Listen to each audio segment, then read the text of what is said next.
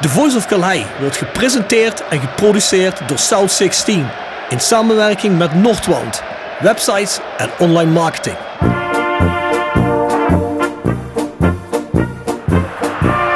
René van de Kerkhof, kom! Het hoofd van Danninga, het is het doelpunt! Het is het hoofd van het is het doelpunt! Het is 1-1 in de 36e minuut. drink dan eerst gezellig een kopje koffie, praat met wat mensen.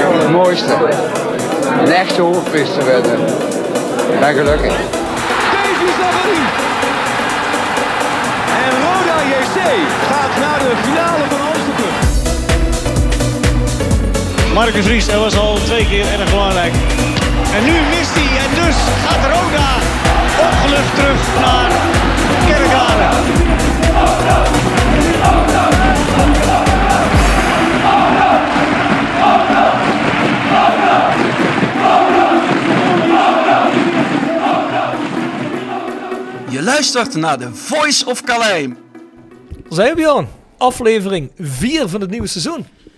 Eindelijk nog een keer in het eh, mooie veilen, hè? Ja, lekker man. Het is warm als gedacht. Ik, eh, ik had vanmorgen nog mijn korte broek aan, want het was bewolkt in, in Essen. En ik denk van ja, jeansbroek aan, maar ik zweet me eigenlijk de tering.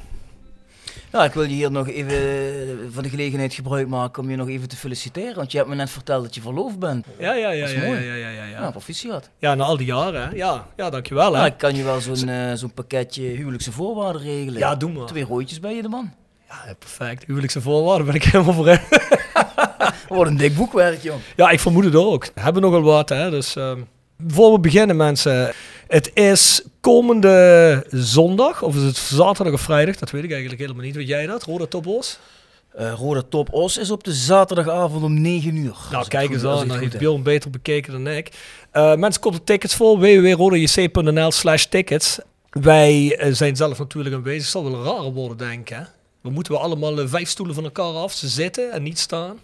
Nou, volgens mij is dat nog niet helemaal bekend. hoeveel Nee? mensen erin kunnen. Daar zijn ze nog altijd mee bezig. Maar je moet Hoeveel in kunnen ieder er geval... maximaal in? Ja, weet ik niet. Onder die regels. Ja, derde toch? Ja, dat, dat weet ik niet. Eerst werd er gezegd tussen de 5 en 6.000. En eh, vorige week was een interview met Errol, de hoofdveiligheid. En die Mhm. hadden de beens over eh, meer dan 3000. Dus dat was alweer een stuk minder. Maar je moet er in ieder geval van uitgaan dat je niet op je eigen plek zit. Want eh, je krijgt gewoon door een steward een plek aangewezen waar je mag zitten. En je mag het- niet als- juichen, hè? Als het om... Als het er onder de 3.500 zijn, dan zijn we met seizoenskaarten klaar, hè? Denk dat je als je seizoenskaart hebt, kun je wel erop eh, rekenen dat je binnen bent. Ja, Ja, maar anders dan gaan we bij jou de skybox zitten, hè? ja dat zou zomaar kunnen, ja. ja, zeker. Hey, maar goed, hè, www.rodc.nl slash tickets, mensen. Hey, tevens, als je nog geen seizoenkaart hebt, pak een seizoenskaart. Zijn wij nou eigenlijk de club in Limburg die de meeste seizoenskaarten verkocht heeft? De enige club waarvan ik het niet weet, Ja. is VVV. Ik heb geen idee, want die, eh, is de enige club die er niet mee adverteert hoeveel seizoenskaarten ze verkopen. Ik heb laatst een overzichtje gezien, daar stonden we wel bovenaan, maar wel allemaal heel dicht bij elkaar. Nee, dik bovenaan tegenwoordig. Dik bovenaan. Ja, Fortuna zit niet boven de 3000. Roda heeft op het moment 33, 50 of zo. Heb je met Fortuna al eens meer dan 3000 man publiek gehad? Ja, vorige twee seizoenen komen er wel eens wat. Als. Feyenoord en Ajax komen. Oh ja, ja. Maar dat is omdat ze eigenlijk ook in de tweede divisie fan van Feyenoord en Zijn ze fan van ja, ja, ja, ja, Ja, ja, ja, dat- komt bij Fortuna vaak voor, heb ik gehoord. Maar dat maakt niet uit.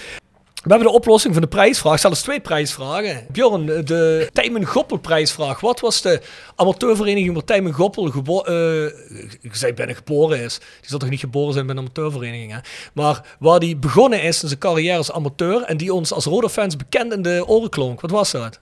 Ja, het antwoord op die vraag was Alkmania uit Oude Wetering. Ja, dus niet Almania Aken, maar Alkmania uit Nee. Oude Wetering. En wie heeft die gewonnen, Bjorn? Eh, De gelukkige winnaar die getrokken is door de vriendin van Rob, dat is eh, Joost Bremen. Een verloofde, hè? Verlo- verloren. Verloren.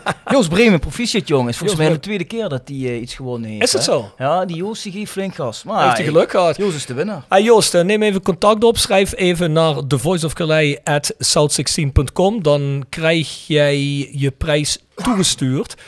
Dan hebben we nog de twee tickets voor Roda Top Os. Plus de twee bonnen van 2 keer 5 euro van de Subway in het PLS. Kun je lekker van tevoren of daarna kun je broodje gaan eten. En tot wie zijn die gewonnen? Die zijn gewonnen door Roy Lux, de gelukkige winnaar. Roy Lux. Ja, die is getrokken. Roy Lux, doe even hetzelfde. Neem contact op. Hey, dan hebben we de prijsvraag van deze week. Vers gebrande pinda's. Wordt gepresenteerd door Hotel Restaurant de Veilerhof. Boek een overnachting of ga heerlijk eten in het mooie bergdorpje Veilen. Voor boekingen ga naar www.veilerhof.nl. En door Rapi Autodemontage aan de Locht 70. Voor al uw auto-onderdelen en het betere sloopwerk. Al 40 jaar een begrip in kerkrade. Tevens gesteund door Fandom Merchandising. Jouw ontwerper en leverancier van eigen sjaals, wimpels en andere merchandising. Voor sportclubs, carnavalsverenigingen en bedrijven. Al jarenlang vaste partner van de Rode JC Fanshop. Check onze site voor de mogelijkheden. www.fandom.nl Wil je mooie luchtopnames van je huis, omgeving of bruiloft? Laat mooie droneopnames maken door de gecertificeerde Sky Art Pix dronefotografie uit Simpelveld. Bekijk de site voor de vele mogelijkheden. www.dronefotografie-sap.nl Welke rode speler scoort er het eerst tegen Top Os? Er zal toch wel een rode denk- speler tegen ik Top Os scoren, hè? Ik denk niemand, er is nog geen spits hè. Als er nog een spits gecontracteerd wordt voor die tijd, mag je ook zeggen de nieuwe spits. Ja. Dat laten we dan ook gelden, hè? Ja, ja, dat laten we dan ook gelden. Denk je wat hij gaat doen? Anders mag je Reemans erin. Nou ja, Alberg kan wel een doelpuntje maken. Jordi Kroeks kan wel een doelpuntje maken. Hè, maar Ja, joh, de Kroeks is wat beter geworden qua scoren dan vorig seizoen. Hè? Maar moet toch op de een of andere manier moet er iets bij. Hè? Goppie kijkt wat te veel naar de grond. Hè. Zorgt wel altijd voor gevaar. Maar de één op één met de keeper is een beetje moeilijk. Ja, toen ik vroeger bij RKTSV in de, Oh in de D1 of de E1 voetballen, riep mijn vader altijd van de kant: Kom omhoog, kom omhoog. Ja, en vanaf toen voetbal ik eigenlijk altijd met mijn hoofd omhoog. Dus waarom Goppel dat niet doet, weet ik niet. Hé, hey, kan me nog herinneren dat jouw vader vaak eh, je schoenen verstopte s morgens vroeg. Ik kon ik op mijn communieschoenen spelen. Maakt helemaal niks uit. Mits je interesse hebt om de prijsvraag te winnen, win je een Wij zijn Roda sjaal, gesponsord door Fandom en een Voice of Calais shirt. En die mooie Voice of Calais shirts, die kun jij ook kopen op shop.south16.com. Daar is trouwens een hele reeks andere Roda gerelateerde merch ook nog te koop. Allemaal van de tribune voor de tribune. Mark Luipers geeft dadelijk ook een mooi Voice of Calais shirt. Kan die daar misschien de training mee leiden bij VVV morgen vroeg? Wat denk jij? Ik denk dat Mark dat niet erg vindt. Ik vind dat Mark dan meteen een beetje ironisch over doet. Een, beetje, wel- een beetje obscuur. Zal ik al ze aan de tand voelen. Wat heb je voor maat shirt, Mark? XL? L, XL? Ja, wel een XL'tje. Oh, die heb ik bij me. Dus zoals gezegd mensen, hebben jullie vragen, opmerkingen, wat dan ook, de voice of Calais at south16.com. Dan kun je al je opmerkingen sturen. Er zijn vandaag ook weer wat vragen gestuurd voor Mark Luipers. Dus die gaan we ook zo meteen zeker behandelen. Hey, maar voor we overgaan naar Mark. Tip van de week. Gepresenteerd door Jegers Advocaten. Ruist de Berenbroeklaan 12 in Heerlen. Hart voor weinig, nooit chagrijnig. www.jegersadvocaten.nl En Nextdoor Kapsalon, Nagel en Beauty Salon op de locht 44A8 te Kerkrade. Tevens gesteund door Financieel Fit Consultant. Als je bedrijf kan met medewerkers die uitvallen als gevolg van financiële problemen. Nooit meer klagen over loonbeslagen. Schrijf naar charles.duurzaambewind.nl Nou, ik heb een tip van de week, Rob. Dat zal Oh, ik je daar zeggen. Kijk, een van de meest magische momenten die wij bij Rode JC hebben meegemaakt... is dat wij op Noord zaten met een aantal mensen. En op een gegeven moment komt eh, Nicolas Anelka in een Roda-trui naar binnen gewandeld. Kun je dat nog herinneren? Daar Ja. was je misschien niet bij. Maar nee, was er niet bij, maar ik, eh, kan wel, ik, ik ken het wel van horen, horen Dat zeggen. iedereen dacht van, wat gebeurt hier nou opeens? Nicolas Anelke in een Roda trui.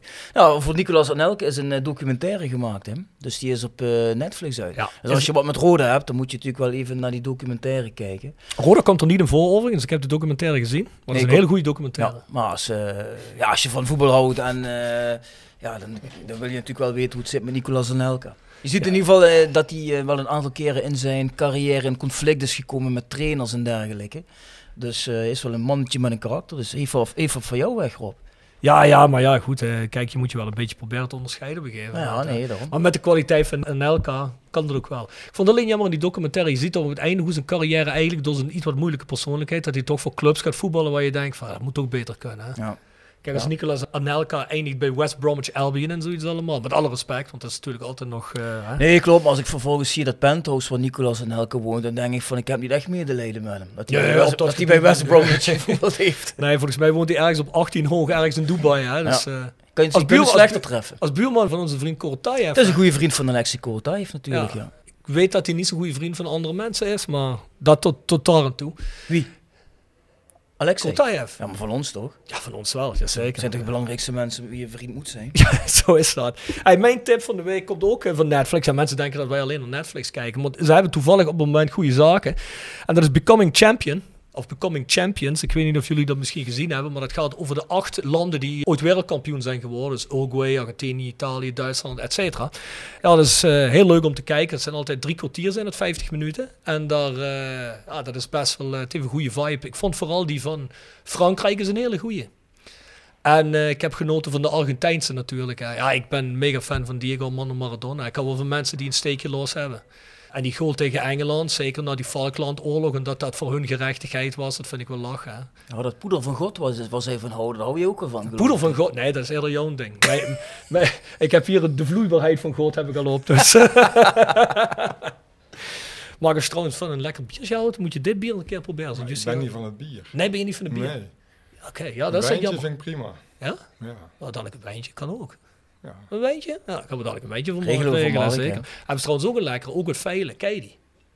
Die eh Veilse wijn. Wat hou, wat hou je van? Rode of witte? Alles. Kijk, dat, zo mag ik het horen. Rosé kan ook. Ja, ah, ja, dat hebben ze hier. Hè. Hoe noem je dat? Eh, Die wijn... eh Weet niet, jongen. Ik drink helemaal geen alcohol, dus... eh, Als je hierachter kijkt, die liggen helemaal achter aan de rand van het bos. Deze is heel lokaal, is echt een goede wijn. Die heeft ook prijzen gewonnen, dus ik denk dat we dat morgen eens moeten introduceren. Misschien dadelijk Willy vragen. Kunnen we doen. Ja, sowieso gemotiveerd hè, vandaag. Willy is goed bezig. Heel gemotiveerd. Hey, maar we hebben het al verraden eigenlijk. Hè. Wie is de gast vandaag? Uiteraard Mark Luipers. Clubicoon.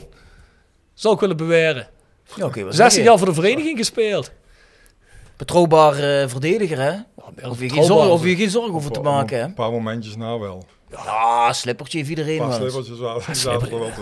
Kijk, luister, als je, als je, als je iets slippertjes hebt, ben je niet menselijk. Hè? Ik hoop niet dat je verloofde nou eh, luisteren is. ja, dat is meteen afgelopen. Je had het toch over die huwelijkse voorwaarden, of niet? Ja, nee, precies. Die moet ik luister. nog opstellen. Oh, moet je nog op. Nou, ja, werk er maar al aan. Mark heeft altijd met heel veel, eh, of met heel veel, Mark heeft met een aantal mensen in het centrum gestaan. Waarvan ik toch denk van, bijvoorbeeld de combinatie met Regilio. Dat is toch een van de, nou ja, ik zou durven beweren, een van de sterkste verdedigingsduels die we gezien hebben. In, eh, in de rode geschiedenis. Met Regilio had ik een hele goede klik, ja. Ja. Ja, Regilio goed, zelf ook geloof Maar ik. kijk, als je ook op de tribune zat hè, en je, je kijkt naar zo'n wedstrijd, je ziet dan gewoon Vrede en Luipers daar staan, dan denk je ook gewoon van ja, daar staat komt iemand iets. door, er staat iets. Ja. Dat heb ik dan nou zelden meer gehad. Alleen nog, alleen nog als Niels Verburg speelde, maar voor de rest niet meer. Jij bent een eigen lul, jij. Ken je Niels van Burg of niet, Mark? Maar niet heel goed. Nee, oké. Ik zag vandaag dat hij eh, naar een andere club gaat. Ja, Dus eh, kunnen we even opgelucht doorademen? LAC. Nee, weet ik niet. Kerkrade West geloof ik. Gewoon oké. Bij Ger en Ja, bij Gerry. Ja, misschien heeft Gerry hem eh, gecontracteerd, wie weet. Mark, ga eerst eventjes eh, je carrière langs. Hè? Je bent geboren in Kadir en Keer. Mark zei ik moet net, daar woont hij nog altijd. Dus dat is iemand die eh zeer in huis en haar, daarom waarom veel ligt. Als amateur begonnen bij VV Keer. En dan aan de RKSV Heer. Ja. Dat is allemaal eh, aan de westelijke kant van het zuidelijke Limburgs. Hè. Daar had ik altijd gedacht. Eh, in vroegere jaren dacht ik altijd, die Mark die komt van MVV, maar dat komt helemaal niet vandaan. Die komt direct van RKSV Heer naar Roda toe in 86. Ik geloof twee jaar in de jeugd, Mark. Ik, eh, op mijn vijftiende ben ik toen naar Roda gekomen. Gescout door. Eh gescout door Adam Fischer. Adam Fischer. Ja, Niet te verwisselen met Hans Fischer, of wel? is eh, broer van Hens. Ah, zo. Dat wist ik helemaal niet. Wist jij dat, Bjorn? Nee, dat was ik ook niet. Nee, nee, nee, ik ken alleen Hans Fischer. Maar goed, hij, eh, des te beter. Dus gescout bij de amateurs bij RKSV Her op zijn vijftiende. En volgens mij vanaf 88 sloot je aan bij de hoofdmacht bij Roda. hè? Eh, volgens mij in 87 heb ik mijn eerste wedstrijd gespeeld. Oh, dat zou kunnen. Volgens mij bij, toen ben ik ingevallen eh, voor Huub Smeets thuis tegen Feyenoord was dat. Voor Huub Smeets. Ja, Huub Smeets. Heb je Die spits gespeeld die uit. wedstrijd? Ja, maar toen schoven we wat door en toen kwam ik links, links op het middenveld. Ah, Oké. De laatste minuten. Maar was dat vroeger jouw positie in het middenveld? Nee, ik was eigenlijk toen ja, ook centrale verdediger of linksachter. Ja. Maar toen in die tijd eh, was ik nog redelijk snel. Kun je je dat niet meer voorstellen. Een heleboel mensen niet meer, denk ik. Maar vroeger was ik heel redelijk snel. En toen had ik wel een goed loopvermogen. Dus toen stond ik nog wel eens op het middenveld. Maar heel weinig hoor. Ja. Heel weinig. Maar toen eh, de eerste wedstrijd mocht ik invallen op middenveld toen.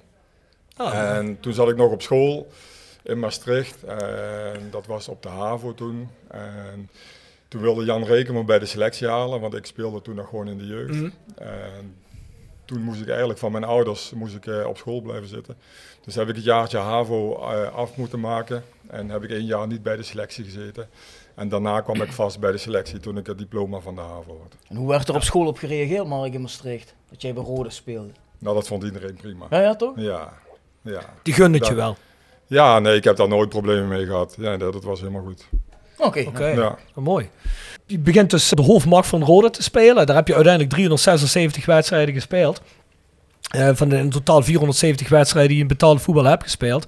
23 doelpunten in totaal.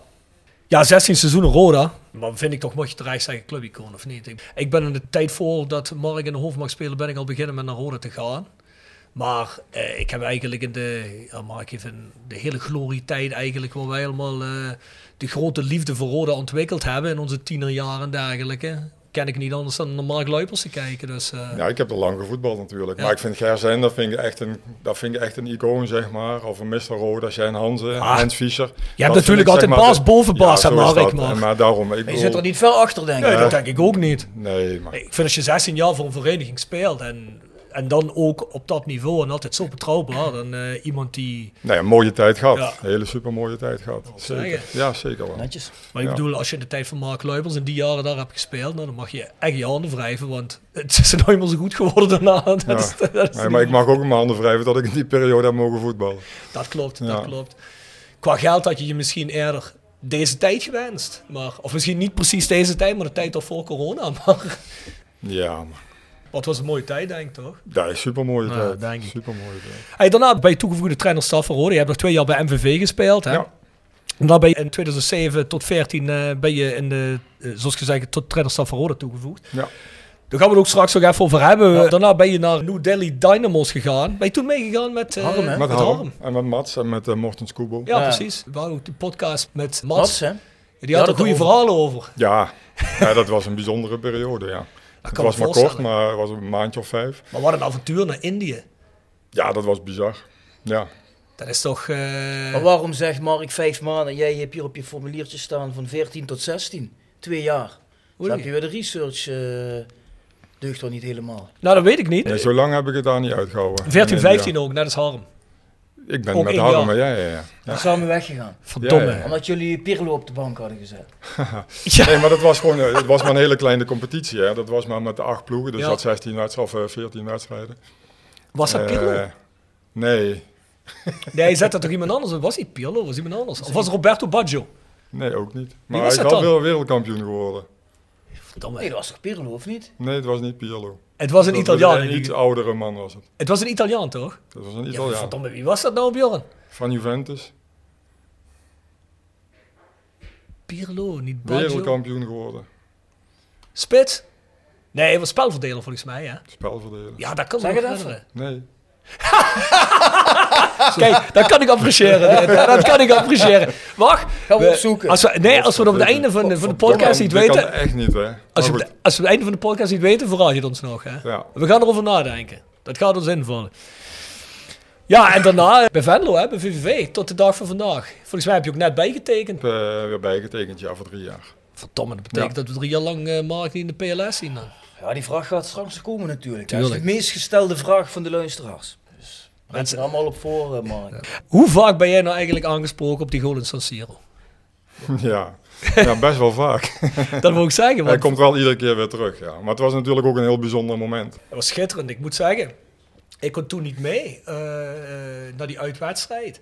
Ik heb dat van thuis proberen te kijken. Alleen die wedstrijd werd niet live uitgezonden.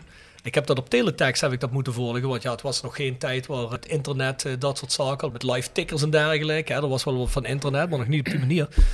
Dat updaten heel langzaam. Hè? Want volgens mij waren ze in Hilversum heel langzaam de teletext aan het updaten. En op een gegeven moment was het penalties. En toen zag je dat er gescoord was. En de volgende update was dat Roda eruit lag. Maar als je naar de rand toen in de samenvatting, dan wacht je natuurlijk s'avonds laat tot Studio Sport en die samenvatting gaat uit zijn. En als je dan die goal ziet, dan heb je godverdomme. Dat was het goaltje ook wel natuurlijk, hè. Die zat er wel aardig in, ja. Daar gaan nog een aantal Ja. vragen over, Mark, van eh, luisteraars. En eerst een opmerking van Bas Werry. Die zegt daarover, Mark, dankjewel voor het meest memorabele moment in mijn 35-jarige carrière als Rode-fan. Kijk, zo. Kun je beschrijven hoe orgastisch het is als je een 0-1 tegen Milan scoort in San Siro? Mij lijkt het dat er weinig mooier is dan dat. Hoe lang zweef je dan? Of is dat moment meteen na de wedstrijd voorbij? Dat zijn een heleboel vragen in één. Ja, Ja, dat is typisch Bas Werry. Hè? Die, eh, nou begin eens over of het orgastisch was. Orgastisch, ja, maar het is heel onwerkelijk eigenlijk, zeg maar. Want je ziet die bal komen en je doet dat in een reflex, zeg maar, ga je er naartoe en schiet je die bal. En dan ligt hij in één keer in het net. En ja, dat is iets wat je zelf ook niet verwacht op dat moment. Had je op dat moment zoiets van, toen je die bal trapte, had je zoiets, oké, die kunnen ze straks aan de andere kant van Milan, kunnen ze die op gaan vissen? Of dacht je, die heb ik zo goed gedrukt, die gaat echt, die gaat, Ja. die gaat hangen. Nee, ik dacht eigenlijk helemaal niks. Want je, je reageert op dat Ja. moment, zeg maar. Het is denk ik ook het beste als je niet nadenkt bij iets. Dan gaat het vanzelf. En eh, dat was het moment dat de bal eigenlijk net iets te kort was, zeg maar, voor mij. Mhm. Dus ik moest er nog even naartoe. En ja, ik raakte hem toen heel- ja, vol. Perfect. En hij ging ja. er perfect in, ja. Want als ik denk, als ik dat tien keer moet oefenen, dan schiet ik er eh, alle tien denk ik eroverheen. Maar goed, net die ene, die, die was prima. Maar is het dan zo dat omdat je dan daarna toch uitgeschakeld bent, ja, dat die vreugde daarover ook snel weg hebt? Of denk je toch nog lang van, boah, dat was toch een prachtig moment? Nou ja, dat was een heel mooi moment. Alleen, ja, goed, na die, eh, toen moesten we na de wedstrijd die penalties nemen. En dan, eh, ja, dus ik had ook een heel goed gevoel bij die penalty. Alleen, hij ging er niet in. Ja, na de wedstrijd hadden we op zich nog wel een prima gevoel, zeg maar, van hey, we hebben toch eh, mooi hier in Milaan gestaan en we hebben eigenlijk gewonnen met 1-0. En wat nooit iemand van tevoren had verwacht, dat we daar überhaupt enige kans hadden. Dus had je daar wel nog een heel goed gevoel over die nacht, zeg maar. Toen zijn we met z'n allen ook nog eh, de stad wel in geweest. Was, eh, ook, eh, was prima, prima avondje. Maar de avonden daarna heb ik wel eh, slecht geslapen van die penalty. Ja. Dan ga je pas beseffen van, godverdomme, wat hadden we eigenlijk daar kunnen bereiken eigenlijk. Mhm. We hadden ze gewoon kunnen uitschakelen. Ja, je hebt er heel en we hadden dichtbij gewoon gezeten. verder kunnen komen. Terwijl, ja, op het moment zelf was ik nog redelijk euforisch van, nou ja, super, we hebben 1-0 gewonnen in Milaan en ja, penalties uitgeschakeld. Zeg, al, dat was eigenlijk al een bizarre prestatie die je daar levert. Ja, maar dat was een heel goed Milan-team, hè? Ja, Dus- nou, ik moet zeggen, dat jaar was wel een goed Milan-team, maar draaide ze in de competitie ook niet zo goed. Want ik hoorde dat die trainer dan, dat hoorden we dan weer via een speler van Milaan, dat hij eh, eruit zou gaan als hij eh, uitgeschakeld werd door ons. Dus dat de trainer daar op de wip zat. Eh, maar goed, ze gingen door en de trainer bleef zitten en ja, een jaar later winnen ze de Champions League. Ja. Dus Ancelotti eh, mag ons dankbaar zijn. oh, dat was Ancelotti toen. Ja, ja. Ja, ik wil zeggen, die heeft dan altijd nog een prachtige carrière gehad, hè? Is bij Everton nou toch, of niet? Volgens mij is het Ancelotti bij Everton. Dan heb ik nog een mooie mededeling voor Mark van Giacomo Verigi. Oh. Dat is onze rode fan uit Palermo, Italië. Oké. Giacomo Verigi. En die zegt, Mark, hier op Sicilië vonden we je 18 jaar geleden een held, omdat je tegen Milan scoorde. Jammer dat je nooit het roze-zwart van Palermo gedragen hebt. Ja. Groeten van Giacomo Verigi. ja, ze hadden moeten bellen. Ja, ik Ja. bedoel, eh, je kunt op slechtere plaatsen terechtkomen, Ja, denk ik, dan denk ik eh. Sicilië. Hè? Dat was toch wel mooi geweest, hè? Een beetje Zuid-Italië. Ja, nee, Sicilië. dat, eh, dat was zeker leuk geweest waarschijnlijk, ja. Beetje onder druk van de lokale onderwereld. Gedwongen worden een paar goals te maken, anders had je de, hè? Anders erge gevolgen. Dat is Diego Maradona ook onderuit gegaan in Napoli en dat soort zaken. Ja, natuurlijk. Word ik daar niet mee vergeleken? Nee, luister maar, dat kan met slechter dingen vergeleken worden. Ja, zeker. Hey Mark, en Charles van Druten die wil graag weten of Jack van Gelder jou nog wel eens bedankt heeft voor zijn moment of fame. Ja, maar dat vind ik nog steeds eigenlijk het mooiste van die hele goal. Het, het commentaar van Jack van Gelder. Ja, dat is topcommentaar. Ja, dat, is, dat vind ik zelf ook nog heel erg mooi. Ik vind, dat vind ik eigenlijk nog veel mooier dan die goal. Weet je wat Dat ik nou leuk zou vinden als je ons nou supergoed. zou vertellen? Dat ding, dat is het morgens is het mijn alarm om op te staan, mijn wekker. Ja. Hoe raar zou dat zijn? Zo'n clipje van Mark Luipers wakker worden, omdat dat eh Jack van Gelder elke morgen Mark wakker maakt. Maar dat is Ja, wel maar een dan, eh, dan begint mijn vrouw en mijn kinderen echt wel te protesteren. Want die hebben al zoiets, als het weer een keer naar voren komt, och, daar zijn ze weer met dat Milaan goal. Serieus, ik vind het volledig terecht. Een schitterende goal, het was een schitterend moment. En we zijn er, maar, en ik hou mijn vingers nog heel dicht op elkaar. We zijn er maar zo'n stukje. En we waren, wat was het geweest? Een kwartfinale, halve finale? Eh, volgens mij hadden we daarna de kwartfinale gespeeld. En dan Ja. hadden we eigenlijk tegen, voor- ik dacht tegen Maccabi Tel Aviv moeten, weet ik niet, nee. Oeh, ja, dat ook kunnen. Ja, nee, want ik, Toen ik hadden we nog tegen een ploeg gespeeld. Die, waarvan, je, waarvan je realistisch een ronde verder Ja, kunnen komen. ja, Daar heb ik ook een keer naar gekeken. Ja, ja. Ja, dat was bizar. Ja, dat is bizar. Of Die was het Maccabi Haifa? Ik weet het niet meer precies. Maar. Heb je het daar met Jack van Gelder wel eens eh, persoonlijk over gehad? Eh, nee. nee, hij sliep wel bij ons in het hotel die avond. Ik weet wel dat we terugkwamen van het avondje stappen, dat wij hem nog wakker hebben gemaakt, op die deur zijn gaan bonken. en zo allemaal. Maar, maar verder Na die heb ik 20 daar, bier aan Moretti, ja, ja, Ja, ja. Hey, en eh, Tom Peters, die vraagt... Tom Soet had het op Bob Peters. Tom Peters. Oh. Ja, is misschien eh, Ja, dat is de, de buitenechtelijke zoon. van beide misschien. Wie Ja. weet, Wie weet wat dat gebeurd is. Maar die wil graag weten, Mark, of eh, die goal, of je die ziet als het hoogtepunt van jouw carrière. En zo nee, wat dan wel het hoogtepunt van je carrière is. Ja, nou, het is een heel mooi moment, zeg maar. Alleen uiteindelijk heeft dat niks opgebracht. Ik bedoel, ja, we zijn, we zijn gewoon uitgeschakeld. Dus het moment op zich, zeg maar, dat was natuurlijk ja, super vet. Maar niet het hoogtepunt, zeg maar.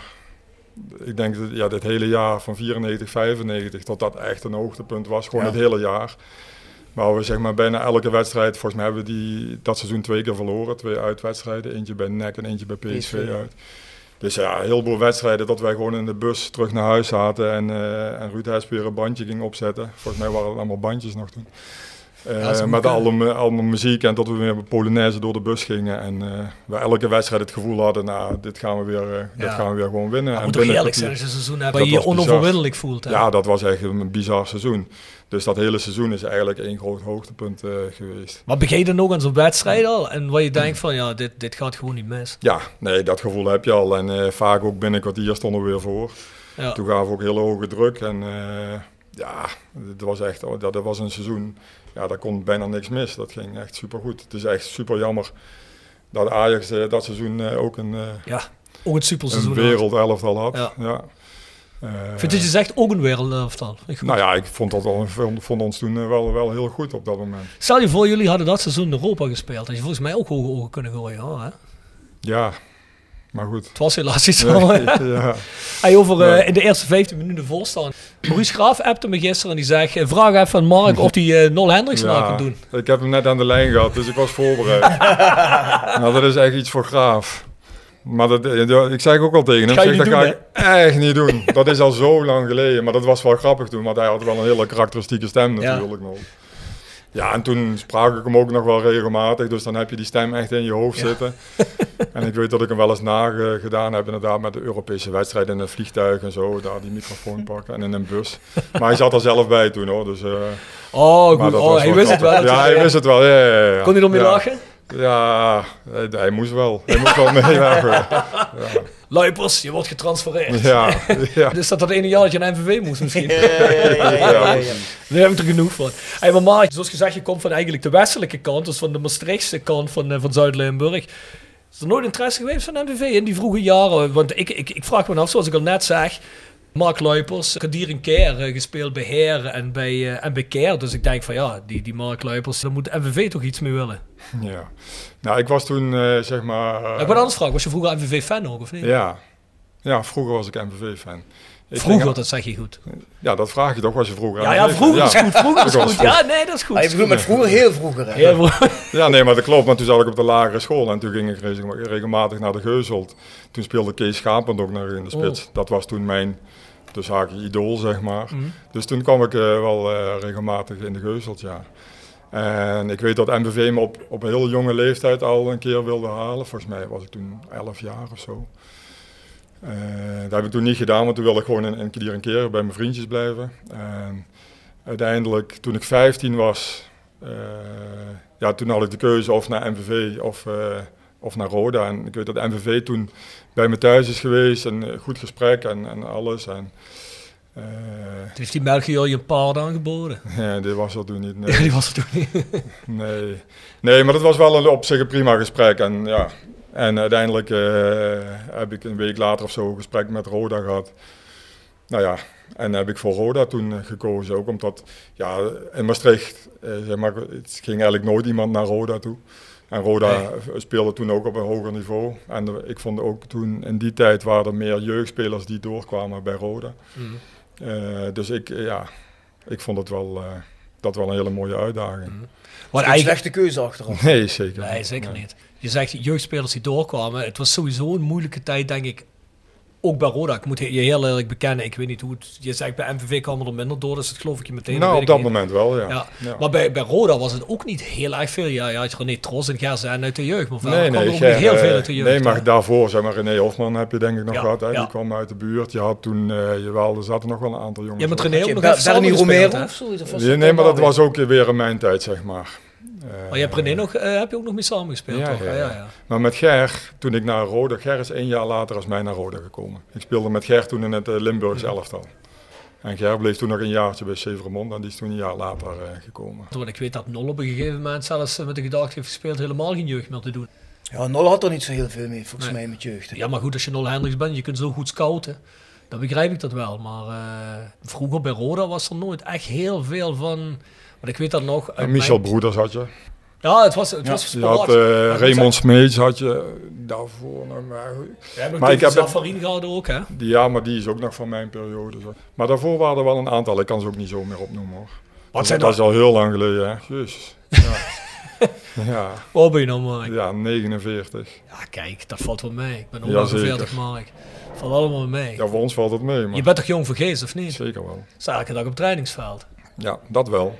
Kijk, Met jeugd, dus ze blijven Ja. jong, hè. Maar als je dan wil meedoen, nog eigenlijk, zeg maar, dan Nee, kom je er toch al heel snel achter van, oh, nee, dat moet ik toch niet meer doen. ja, maar jij bent toch beter als die gast, of niet? Ja, was ja. Ah, Nee, maar dat gaat niet meer. Dat gaat echt niet meer. Laat je die jongens wel eens die goal zien in San Siro of wat beelden van jou.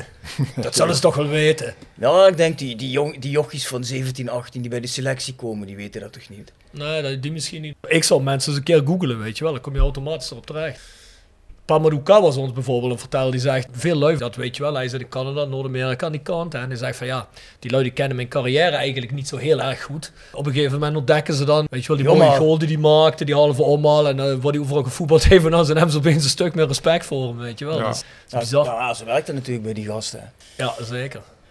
Ik dacht net even dat de bediening binnenkwam, maar helaas niet. Heb je honger? Nee, ik wil, eh, wil een glasje wijn voor jou Oh, maar een stuk maar- reisgevaar voor jou staan nog de Toch hele tijd wel. daar, Rob. Dat heb je Oh, misschien shit, niet dat gezien. Maar ga dat nog niet eten onder de podcast, want Erik Helders die gaat wel mailen, jongen. Wat verdomme nog een toe, man. Nee. We gaan het dadelijk regelen van Mark. Voordat we iets anders gaan doen. The Sound of Calhei. Gepresenteerd door www.gsrmusic.com.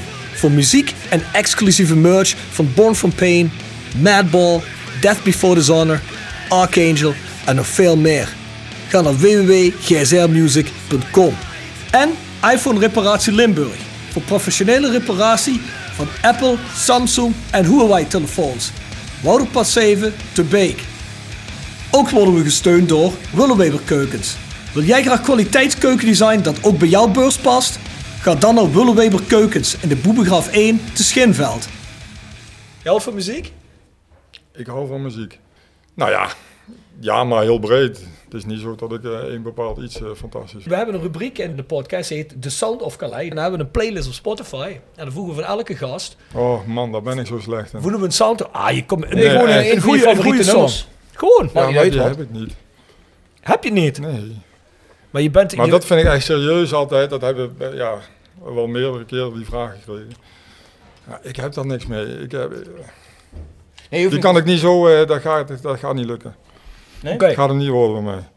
Ik vind muziek luisteren prima, maar het is vaak op de achtergrond en het is, het is ook vaak de stemming waar ik in zit. Maar je hebt niet Ik heb nu in de bepaalde- auto zitten, zeg maar, en dan eh, is Frank eh, de Moe, zit, die zit nou elke dag Ja. bij mij in de auto, die is dan DJ. En die zet allemaal muziek op. En dat is dan wel leuk, maar ik weet vaak ook niet van wie het is. Maar je hebt niet zelf bijvoorbeeld cd's van eh, favoriete bands of zo. Nee. Dus, eh, Nee. Nou, Oké. Nee. Nou goed, dan moeten wij erin uitkiezen. Ja. Ja, jij hebt er vast één in gedachten, toch? Nou, weet je wat ik doe? Dan zet ik erin, ik zet, ehm, ik zet Liam Gallagher van Oasis ik erin. Die heeft nu solo-albums uitgebracht. Kies ik voor de song Be Still. Super song. Dus mensen luisteren even naar de Sound of Calais playlist. Kun je op eh, Spotify toevoegen. Zoek je op The Sound of Calais. En dan kun je gewoon die playlist abonneren. Komen wekelijks komen er songs bij. Ik moet trouwens nog de keuze van Wim Vrijns toevoegen. Wat was dat ook alweer? Ja, oh, is, kleine eh, jongen of Sweet zoiets. Car- eh. Nee, dat was een Tijmen Goppel. Oh, dat was Steven Goppel. Ja, Sweet Caroline. Sweet Caroline van DJ Utsi. Dat is trouwens, wat ik je al zei bij die aflevering, dat is volgens mij het nummer wat ze bij de Boston Red Sox altijd draaien. Oh, dat zou goed kunnen, ja. Kunnen. Maar waarschijnlijk niet de DJ Utsi versie. Waarschijnlijk niet. Nee, denk ik niet. Goed, dus ik voeg Liam Gallagher toe. Nog Even kijken bij de vragen die ik heb binnengekregen. En Nog een vraag van Charles van Druten, ook een van onze sponsoren. Welke medespeler van je had de beste kleedkamerhumor? Met wie kon je nou echt het meeste lachen in de kleedkamer? ja. ja, maar dat zijn er best veel. Ja, Maurice natuurlijk. Graaf, ja? Ja. Ah, dat ligt voor de hand. Heeft Nee, ja. ja, hij vindt van wel. Maar ook nog anderen van, van wie je het misschien niet verwacht. Huh? Misschien ook nog anderen van wie je het... Nee, ja, maar dat is, joh, ja, dat is voetbalhumor, zeg maar. Dat is, dat is niet... Ja, dat hebben best veel jongens, zeg maar. Dus dat is wel grappig als je met een groep bij elkaar zit. Maar ook ja, met Arno Domenek en Ramon van Haren. Ja, Barry van Galen, ja. Ja. ja en Attenvelde, maar iedereen, zeg maar. Bijna alle jongens, zeg maar, die eh, in de voetbal meelopen, die hebben een bepaald soort humor. Heb je ook nog met Bernard Die, gespeeld? die sommige mensen ook buiten de voetbal niet begrijpen, zeg maar. Nou, dat geloof ik wel. Heb je ook nog met Bernard Tjutan gespeeld? Toeshang, ja. Ja, ja. Nol zei altijd Toeshang. Toeshang? Ja. ja. ja, daar heb ik mee gespeeld, ja. En dat, ja, Lawal was in die periode ook nog. Heeft nog een paar jaar vastgezeten, die eh Tjutan, hè? Is dat Ja? Ja, die had toch een overval gepleegd in Frankrijk? Oh, dat weet ik Zeker. helemaal niet. Zeker. Dat weet ik ook niet. Dus je had ook een bepaalde humor. dat is begrepen alleen niet. Nee, dat zeg ik al, buiten de voetbal begrijpt niemand dat. Kun je dat als verdediging aanvoeren? Dit is voetbalhumor, voor het geraakt. Kun je doen, ja. Kun je zeker aanvoeren, ja. Maar of dat werkt is een tweede. Ja, ik- de kans is klein, maar Hmm. het is een argument natuurlijk. Hè. Ja. Hey eh, Mark, als je dan bij die hoofdselectie komt, hè, dan zitten er mannen in de achterhoede zoals, ehm, zoals een Hansen, Fraser en dergelijke. Toen ik, in, eh, toen ik net kwam. Ja. Ja. Als jonkie daartussen, ja, dat, dat lijken me toch mensen waar je niet zo 1, 2, 3 even tussen komt. Wel, valt viel dat wel mee. Nee, dat, dat ging eh, heel erg goed zelfs. Die zijn heel... eh, ja, ook eh, Henk Fraser en, en Shane, die waren heel sociaal. Die hielpen de jongeren echt, zeg maar, om zich op de gemak te voelen. Je moest wel naar ze luisteren, want anders had je het moeilijker. Maar... Nee, maar die waren, ja, dat was heel makkelijk hoor. Dat, dat, dat was prima. Ik weet wel, Bert Verhagen, die was in die tijd ook daar. Tot ik de eerste training kwam, tot ik zo'n doodschop kreeg. Echt niet normaal, echt Ja. een onredelijke schop. Maar tot ze zeiden van ja, eh, die trainer ook Jan Reker was toen, ja, moet je, je moet jezelf maar beschermen. Dus dat was ook een soort leerschool in die tijd, zeg maar. Dat, eh, ja. We willen Bertje even Zo laten ging zien, dat, eh, ja, wie, van eh, eh, oké, eh, ja, daar, daar sta je dus. Nee, maar dat was vroeger, dat was gewoon eh, ja, een leerschool. Dan werd je als jongere vaak aangepakt. Is dat nu minder Dus daar dan? leer je van, ja, dat is wel anders geworden, ja. Ja? die hiërarchie eh, is er nog wel, maar vroeger was dat wel meer. Ja, Doe je zit nou een trainerstaf. hè? Wens je je wel eens dat er iemand komt die dat nog eens bij de jonge jongens doet. Dat je denkt van nou, dan weet je tenminste meteen. eh, hè? Nou, bij ons is je vind ik zeg maar, bij ons zeg maar, is de hiërarchie in de groep wel goed. We hebben daar ook jongens zoals Danny Post gehad en Gerald Promes in het verleden. En Ralf Seuntjes. En eh, er waren wat de oudere jongens, maar dat, die waren wel nog heel erg zeg maar, in de hiërarchie. En daar had iedereen heel veel respect voor en daar luisterde ook iedereen naar. Zeg maar. Dus dat is prima als je dat soort gasten in, in de groep hebt. Maar ik heb ook jaren meegemaakt dat dat, dat niet in een groep is. En eh, ja, dat is niet goed. Je hebt een bepaalde hiërarchie in de groep nodig. Maar zie je ook eh, tegenwoordig misschien dat jeugdigere spelers die doorbreken of zo, dat ook niet meer zo accepteren als vroeger? Die misschien eerder Ja, maar ik vind nog steeds dat dat, dat ja, dat, dat is zeker meer. Want ze zijn veel mondiger geworden, eh, de jonkies. En, eh, maar ik moet zeggen, dat, ja, bij VV worden ze daarin, eh ja, wij steunen de spelers daar ook in. Die jonge jongens hebben wat dat betreft, moeten ze echt onderaan de landen beginnen. En is dat hiërarchie vinden wij wel belangrijk. Jonkies moeten gewoon, Hmm. komt het eigenlijk neer, moeten we wat luisteren naar de ouderen. Ja, lijkt me goed. ook wel belangrijk. Ja, Ja, zeker. Je moet, bedoel, natuurlijk, eh, je moet dan natuurlijk wel ook de oudere spelers voor een huis hebben, denk ik. hè? nee, zeker, dat, Nee, dat precies. klopt. We hebben horen een aantal jaar gehad, of in ieder geval Ja. ja, de laatste twee seizoenen, dat, zeggen, dat er niet echt eh, iets was waarvan je zei van dat komt ook over alsof eh, zo'n persoon daar echt eh, voortouwen neemt. Hè? Nee, niet één, denk ik. Niet één. Terwijl VVV inderdaad, wat Mark net zei, ook in die, die jaren eh, dat VVV de keukenkampioen divisie promoveerde, had je in de as overal wel uh, Ja, hadden elke we, linie zo'n eh, speler. Ja, En wij hadden er misschien nergens eentje. Nee. Ja, Ja, alleen Tom Muiters hadden wij, hè Rob. Ja, nee, nee ja, die, had wel, die had wel overweg, geloof ik, in die groep. Ja. Maar waar je niet zo fan van, hè, geloof ik. Nee, jij wel dan. Ik pas. Geen commentaar. Ja, ze hebben nu ook uh, Arjen Swinkels rondlopen. Ja, ik denk dat dat wel een, wat ja, Mark net ook zei, een prima speler om in die groep te hebben. Ja, man. Super. Ja, die had ik echt graag bij Rode gezien. Ja, zeker. Dat had ik echt graag gezien. Zeker. Als hun nog wat minder geïnteresseerd waren geweest, dan had die jongen nu misschien bij ons gespeeld. Ja, dit had erin gezeten, ja. Maar ja, goed. Hij eh, en Kees Luijks Guus- als elkaar was het, was het snelste centrum geweest in de eerste divisie. Snelste. Arjen en, en Kees Luijks, Luijks. het snelste centrum in heel Nou, hadden we wel een paar meter naar achter moeten gaan spelen. Nou, denk ik ook. Ik denk dat we tegen de 11 meter aan hadden moeten spelen. Maar ja, goed, hey, luister voor routine, goed. Ik heb gehoord dat Kees Luijks ook een beetje het voortouw neemt nou, dus dat is goed toch? Ja, ik neem maar aan dat hij daarvoor gehaald is. hè. Ja, dat neem ik zeker aan. Maar goed, daar gaat het niet over. Je speelt met heel veel goede mensen in het centrum samen, hebben we net al gezegd. Hè? Maar eh, wie, ja, je hebt het misschien net al een beetje aan ons verraden, maar, eh, of misschien ook niet. Eh, met wie heb je nou het beste samen gespeeld? Of wie vond jij de beste partner om te hebben in dat centrum? Nou, ik heb ja, wat ik net al zei, met Regilio had ik gewoon een hele goede klik. Wij wisten van elkaar eigenlijk blindelings wat we wilden en ja, dat, dat, dat ging gewoon heel erg goed samen. Dus met hem had ik eh, absoluut de beste klik. Maar met Johan de Kok, die heb ik ook nog centraal gehad, dat, ja, die was ook zo goed.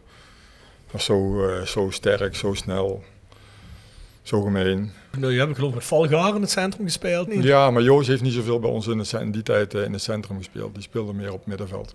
Ja, net voor de verdediging geloof ik. Ja, dus in die tijd speelde, ja, speelde ik met Regilio centraal. ja klopt. Ja, Johan de Kok, ja, ook zo'n... eh, Ja, maar Johan was echt bizar. Hij heeft veel van geleerd. Want die was eh, dus echt heel gemeen ook gewoon. Toen kon er ook nog meer. Hè. Er stonden niet zoveel camera's op je gericht. Dus eh, ik heb wel eh, ja, wat geleerd van, van, die, van, die, van die oudere mannen. Van, van Johan de Kok en van Zen Hansen natuurlijk. Bert Verhagen, Henk Vrezer. Heb je dan ook nog met Attenveld gespeeld? Ja, zeker. Dat was in die periode ook. Oh, ja, was 94. Was Ja. één jaar, is maar één jaar bij Attenveld was toen eigenlijk de ontbrekende schakel. Want we hadden toen in de voorbereiding, toen in dat jaar, zeg maar, dat goede jaar. eh, ja, toen is hij pas gekomen aan het einde van de voorbereiding. Dat was wel een hele belangrijke speler voor ons ook, ja. Het is toch bizar, zo iemand die maar één jaar bij ons heeft gespeeld. Ja, hoeveel mensen die nog altijd in de mond hebben die naam. Hè? Volgens mij de enige speler die maar één seizoen bij Roda heeft gespeeld, waar zoveel over gepraat wordt. dat was dag puur genieten. Dat is ook puur genieten. Ja, de Attenveld was gewoon een echte winnaar. Dat was eh, in alles een winnaar. Passen qua karakter echt super bij de vereniging en bij de streek gewoon. Hè? Ja, gewoon de hele puzzel klopte toen, zeg maar. Ja. De hele selectie, dat was gewoon, eh, ja, ja dat, was, eh, dat was echt top. Toen speelden we ook eigenlijk gewoon met drie achterin. En je had Attenveld daarvoor staan. Ik op YouTube kijk er nog wel wat beelden van. Van dat jaar. op Kaleide. Ja, Doelpunten. ah, schitterend. Ja, wat een elftal. Mooie tijd man. Ja, dat was echt mooi. Ja, dan beginnen we weg te dromen nu. Hè? Ja, Ja, we beginnen, we beginnen een beetje kijken een, een. We hebben, we hebben, we hebben, we hebben, een traantje weg te pinken. We hebben wel echt veel uh, scheisse gefressen, zoals de Duitser dat zegt, de laatste jaren. Maar goed. Zoals gezegd, eh, veel goede tijden meegebracht bij Roda. Hè. Tweede in 94, 95, twee bekerfinales gespeeld.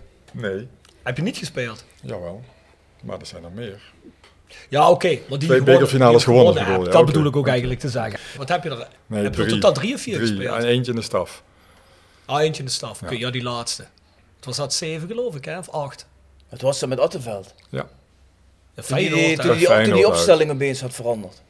Ja, misschien met Mark dat te vertellen. Want we hadden Pamudukan die podcast en die zegt... Dat is Die voor was mij... woedend. Die was woedend nog Ja, die, steeds. die, begon zich, die begon zich eigenlijk op te winden in die podcast. Die zegt, ik begrijp echt de fuck niet wat daar gebeurd is.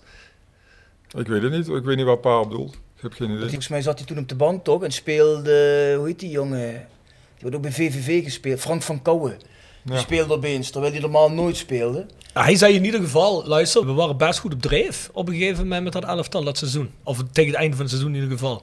Hij zegt, je had het gevoel dat je, tenminste in elftal was het gevoel dat we de bekerfinale konden winnen. En op een gegeven moment verandert die Attenveld de opstelling op wat, op vijf of zes plekken Ja, of zo. meerdere posities in ieder geval. Ja. Puur voor die bekerfinale, ja. Ja, en dat haalde de hele dingen eruit. En zegt, ik ben ervan overtuigd dat dat de reden is waarom we die bekerfinale ook eigenlijk nog... eh, Dus nu willen we van jou weten, Mark, waarom jullie die opstelling opeens veranderd hebben. Nou, ik weet het niet, maar je hoort er wel vaker spelers die op de bank komen dat die dan eh, iets hebben, zeg maar, waar het aan ligt. Ik zou het echt niet meer weten. Weet ik oprecht niet. Ik denk niet dat dit het antwoord is wat Pa wil horen. Nee, denk ik ook niet. Daar is hij niet blij mee. Ik denk dat we Raymond Attenveld gewoon een keer in de podcast moeten halen. Nee, maar ik denk sowieso als je tegen een topclub in de finale staat, het eh, maakt niet uit of het eh, Ajax of eh, PSV Feyenoord is, dan, dan is het gewoon ongelooflijk moeilijk om daarvan te winnen. Dat hebben ook onze eerste finale die ik speelde, ook tegen Feyenoord in de Kuip. Ja, dat is bijna niet te doen.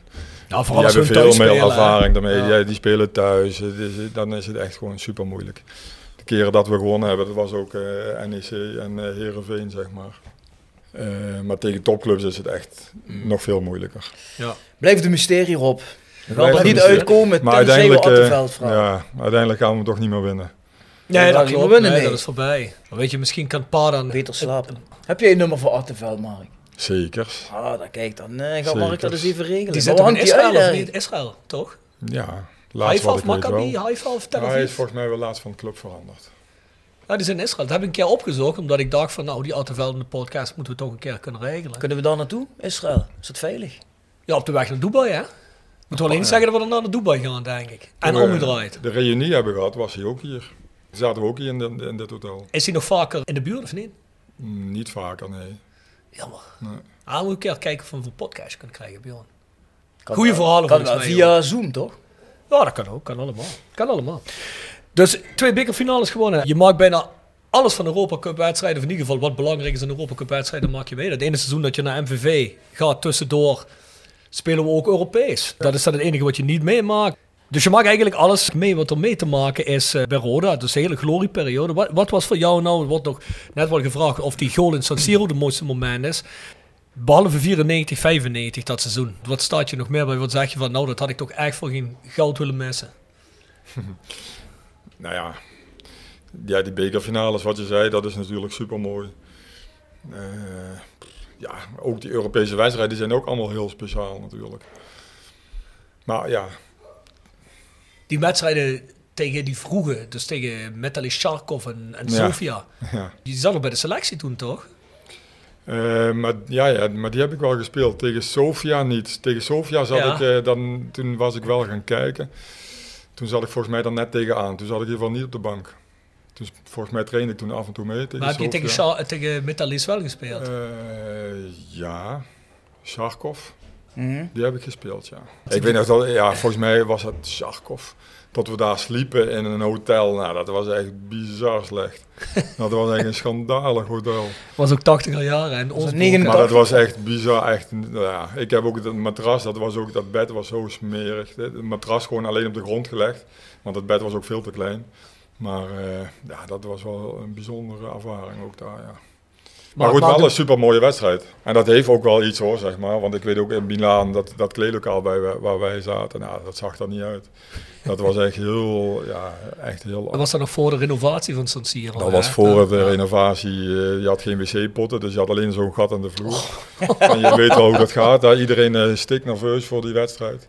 En dan alleen maar zo'n gat in de, in de grond, zeg maar. En dan Dus schijt de dat, eh, eerste ernaast. Ja. Dus ja. Maar klinkt een eh, beetje als je op, op Europa Cup gaat, alsof- ik op tour ga. Precies dezelfde toestanden. Ja. Ja, maar bij jouw tour verwacht je dat? Op Europa Cup en San Siro Nou, eigenlijk, eigenlijk tegenwoordig ook niet meer altijd, want het komt helaas nog altijd wel eens voor. Hoor. Nee, maar hadden wij ook niet verwacht hoor. Van, eh, als je daar naar Milaan gaat, dan denk je van, ah, daar kom je echt in Ja, een super gaaf eh, kleedlokaal. Maar bij VV Keer was het mooier. Ja, niet normaal. Apart. Seizoen 95, 96 mis je eigenlijk compleet door blessure. Ik heb toen een blessure gehad, Ah. ja. ja, ja. Ja, volgens mij twee achter elkaar, of niet? Of? Het is een, een hele lange blessure geworden. Het was de laatste wedstrijd van de voorbereiding in Halsteren, tegen Halsteren. In de laatste minuut komt er een corner waarbij ik omhoog spring en ik op een teen van iemand terecht kom. En mijn knie eh, die, die draaide toen om. En toen hadden ze nog zoiets van, ah, probeer maar gewoon door te trainen en eh, misschien valt het wel mee, of waarschijnlijk valt het wel mee.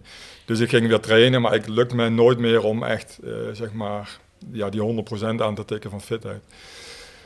En ik ging, daar keer, ik ging daar best vaak doorheen, tot echt die knie eh, alle kanten op ging. Maar toen zei ze nog van, joh, dat, dat is niet erg als de pijn maar wegtrekt. Dus ik doortrainen, doortrainen. En op een gegeven moment kreeg ik een oefening met, eh, met de assistent-trainer Eddie Achterberg. Toen moest ik hem volgen. Toen ging hij vooruit, achteruit, vooruit, achteruit. En ik moest hem heel kort volgen. En dat deed ik toen en toen klapte ik echt finaal door mijn knie. Toen, eh, ja, dus, eh, toen was echt de kruisband over, kraakbeen beschadigd, meniscus. Toen was de hele knie echt helemaal aan het diggelen. Toen ben ik naar Heerlen geweest, naar het ziekenhuis. En die zei direct van ja, afkeuren, je gaat echt nooit meer voetballen. Ah. Voorbij. En eh, ja, dat is een klap die je dan krijgt. Mhm.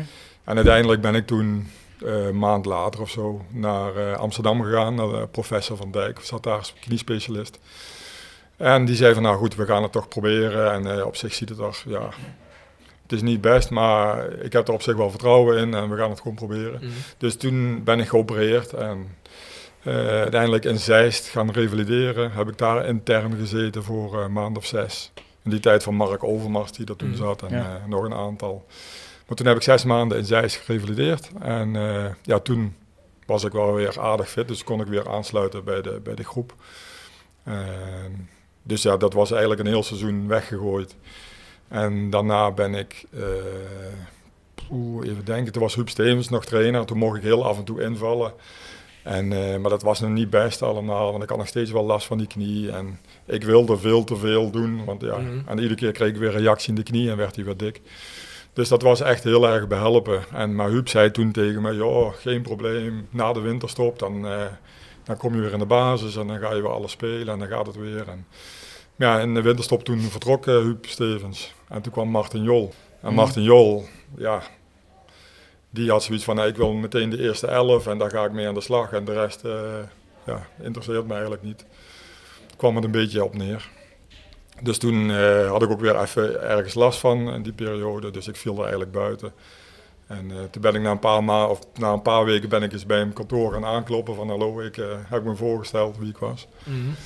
En, maar goed, dat was, dat was nooit een heel gelukkig huwelijk, zeg maar. Omdat ik heel graag wilde. Maar hij zag dat ik ook dat ik, dat ik absoluut het niveau waarschijnlijk ook nog niet had. Dus eh, dat was mentaal heel erg moeilijk. Want je was altijd basisspeler geweest en je deed het altijd goed. En eh, ja, er was wat interesse links en rechts. En eh, toen kwam ik terug van de bestuur en het ging niet en het lukte niet. En ik stond niet in de basis en ik had pijn in mijn knie. En ja, dan, dan, dan is het mentaal heel zwaar. En uiteindelijk eh, eh, ben ik dat jaar daarna verhuurd aan MVV Om gewoon aan spelen toe te komen. om aan spelen toe te komen. En ja, die kans was bij MVV natuurlijk veel groter. En, eh, maar ook daar het eerste half seizoen ging ook nog niet lekker. Ik weet dat ik toen bijna elke training pijnstillers slikte. En, want anders kon ik gewoon niet trainen, zoveel pijn had ik. En achteraf denk je, waar ben je in godsnaam mee bezig geweest? Ja. Maar goed, dat, dat doe je dan, want ja, je wil voetballen en ja, dus eigenlijk daar was je wil je gewoon- slagen. Dus eigenlijk was je ook gewoon slachtoffer van de medische blunder, bij wijze van spreken. Want Als ze het eerder goed hadden ingeschat. Als ze dat, eh, dat had beter gekund, ja zeker. Maar goed, ja, weet je, dat doen de mensen ook niet bewust. Dan achteraf, eh, ja, of dit gaat zoals het gaat, en, ja, daar doe je niks meer aan. Maar het had anders gekund. Maar ja, weet je, ja. En ben je dan dat in die tweede helft, die tweede helft van het seizoen bij MVV, is dat dan toen steeds beter gegaan? Nou ja, ik heb eigenlijk ja, geluk gehad op een gegeven moment eh, in de winterstop. Volgens mij was het toen met Maurice Graaf ook in de winterstop op vakantie. Toen voelde ik in één keer een hele harde bobbel in mijn knieholte. Dus eh, ja, ik schrok weer van, eh, jezus, wat heb ik nu weer? Uiteindelijk bleek dat een, een, ja, wat ze in medische termen dan zeggen, een bakerse kies te zijn. En dat is dan een, ja, een, een holte waarin al het vocht van mijn knie naartoe ging. Dus eigenlijk bleef mijn knie ja, vochtvrij, zeg maar.